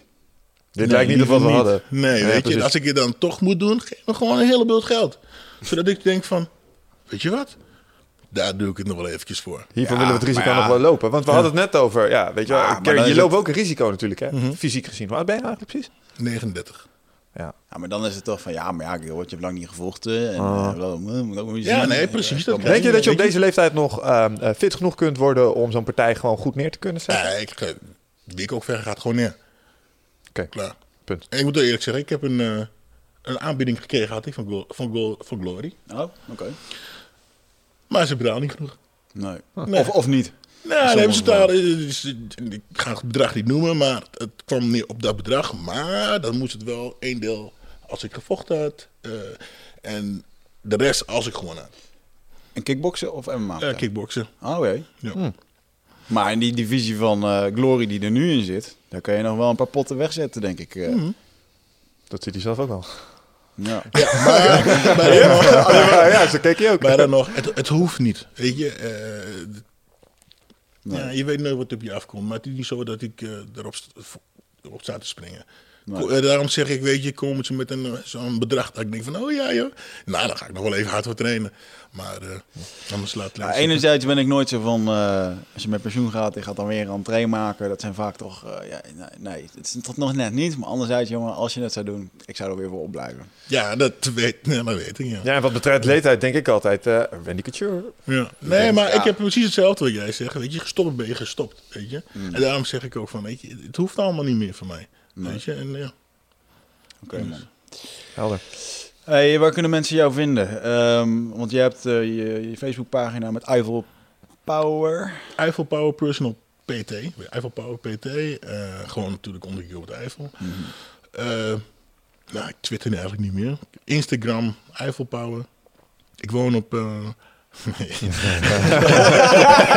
Kom gewoon even langs, ja. Gezellig op de koffie. Iedereen is uitgenodigd. Zorg dat je gaat Call of Duty eh, en kijk niet naar zijn dochter. Ja. ehm, ja, dat is het eigenlijk. Ik moet even kijken. Ik, ik ben helemaal niet zo in de... Nou, wij, wij zetten het wel bij onze show notes op, op onze pagina. Ja. Ik vond het in ieder geval super episch dat je hier was. Want eh, eh, je hebt ook je kwetsbare kant laten zien. En alle, alle mooie anekdotes. Volgens mij kunnen we nog wel een half uur lullen over alle... Fuck, maar je hebt veel partijen gedraaid, man. Ja. Echt normaal. Echt een boegbeeld van het Nederlandse Ja. MMA. Dus. Ik Dus, vind toch ook ehm, wel eigenlijk dat jullie wel even mogen, dat we er even over mogen hebben, dat ik eigenlijk eh, in de top, of de tweede ben eigenlijk in de wereld, die, ehm hoor mezelf maar even. Ehm, ik heb eigenlijk al mijn partijen gewoon op KO. Of op eh, submission, nog nooit eentje op punten. Nee. En er is één gast die de meer heeft, maar die heeft iets van 300 partijen gevochten. Hoe heet die? Travis, eh Brown? Oh, Travis nee, nog wat, ja, ja, ja, ja. beetje onbekende Ja, pik, weet maar die je. heeft En, eh, allemaal die B-shows, heeft die 300 Juist, mensen precies, ja. Ja, ja. Dus eh, ja, dat vind ik toch wel... dat Respect, ik, jongen. Ik, heb- ik heb het toch wel goed gedaan, ja. Maar ik denk dat ik je eh, namens MMA eh beminnend Nederland en alle fans eh, echt wel eh, mag bedanken voor, eh, voor wat je hebt gedaan voor de sport. Want eh, je bent een boekbeeld geweest, je hebt eh, mooie partijen neergezet. En eh, er lopen niet veel Gilbert Uivels rond in de huidige scene. Dus eh, die mag je zeker in je zak steken. En eh, Ja. Wens jou het beste. Ik ga je vast nog een keertje zien bij, eh bij Mike's. En ik ben benieuwd wat, er, eh, wat dat gaat brengen de komende jaren. So thanks for being here. Ja. Eh, ja, nu gaan we nog even een video opnemen waar Gilbert Stijf, Michel over staan. En we hebben nog 10 seconden opnametijd. Dus het moet in 10 seconden gebeurd zijn. Gaat me lukken. Goed. Ehm, de show wordt gesponsord door Nutrifit. Dus voor degenen die net zo groot en sterk als Gilbert willen worden, ga naar nutrifit.nl en gebruik daar de kortingscode eindbazen. En eh, je krijgt dezelfde Eiffel Power eh, die, je- die je nodig hebt voor hetgene wat je doet. En easier.com om social media op jouw website te laten eh, verschijnen. om te laten zien wat er allemaal over jouw merk wordt gezegd. Dat was even een hele korte. Jongens, bedankt. Ik vond het een, eh, ja, dit was een vette podcast. Dit was nice. Thanks man. Tot de volgende keer. Anytime.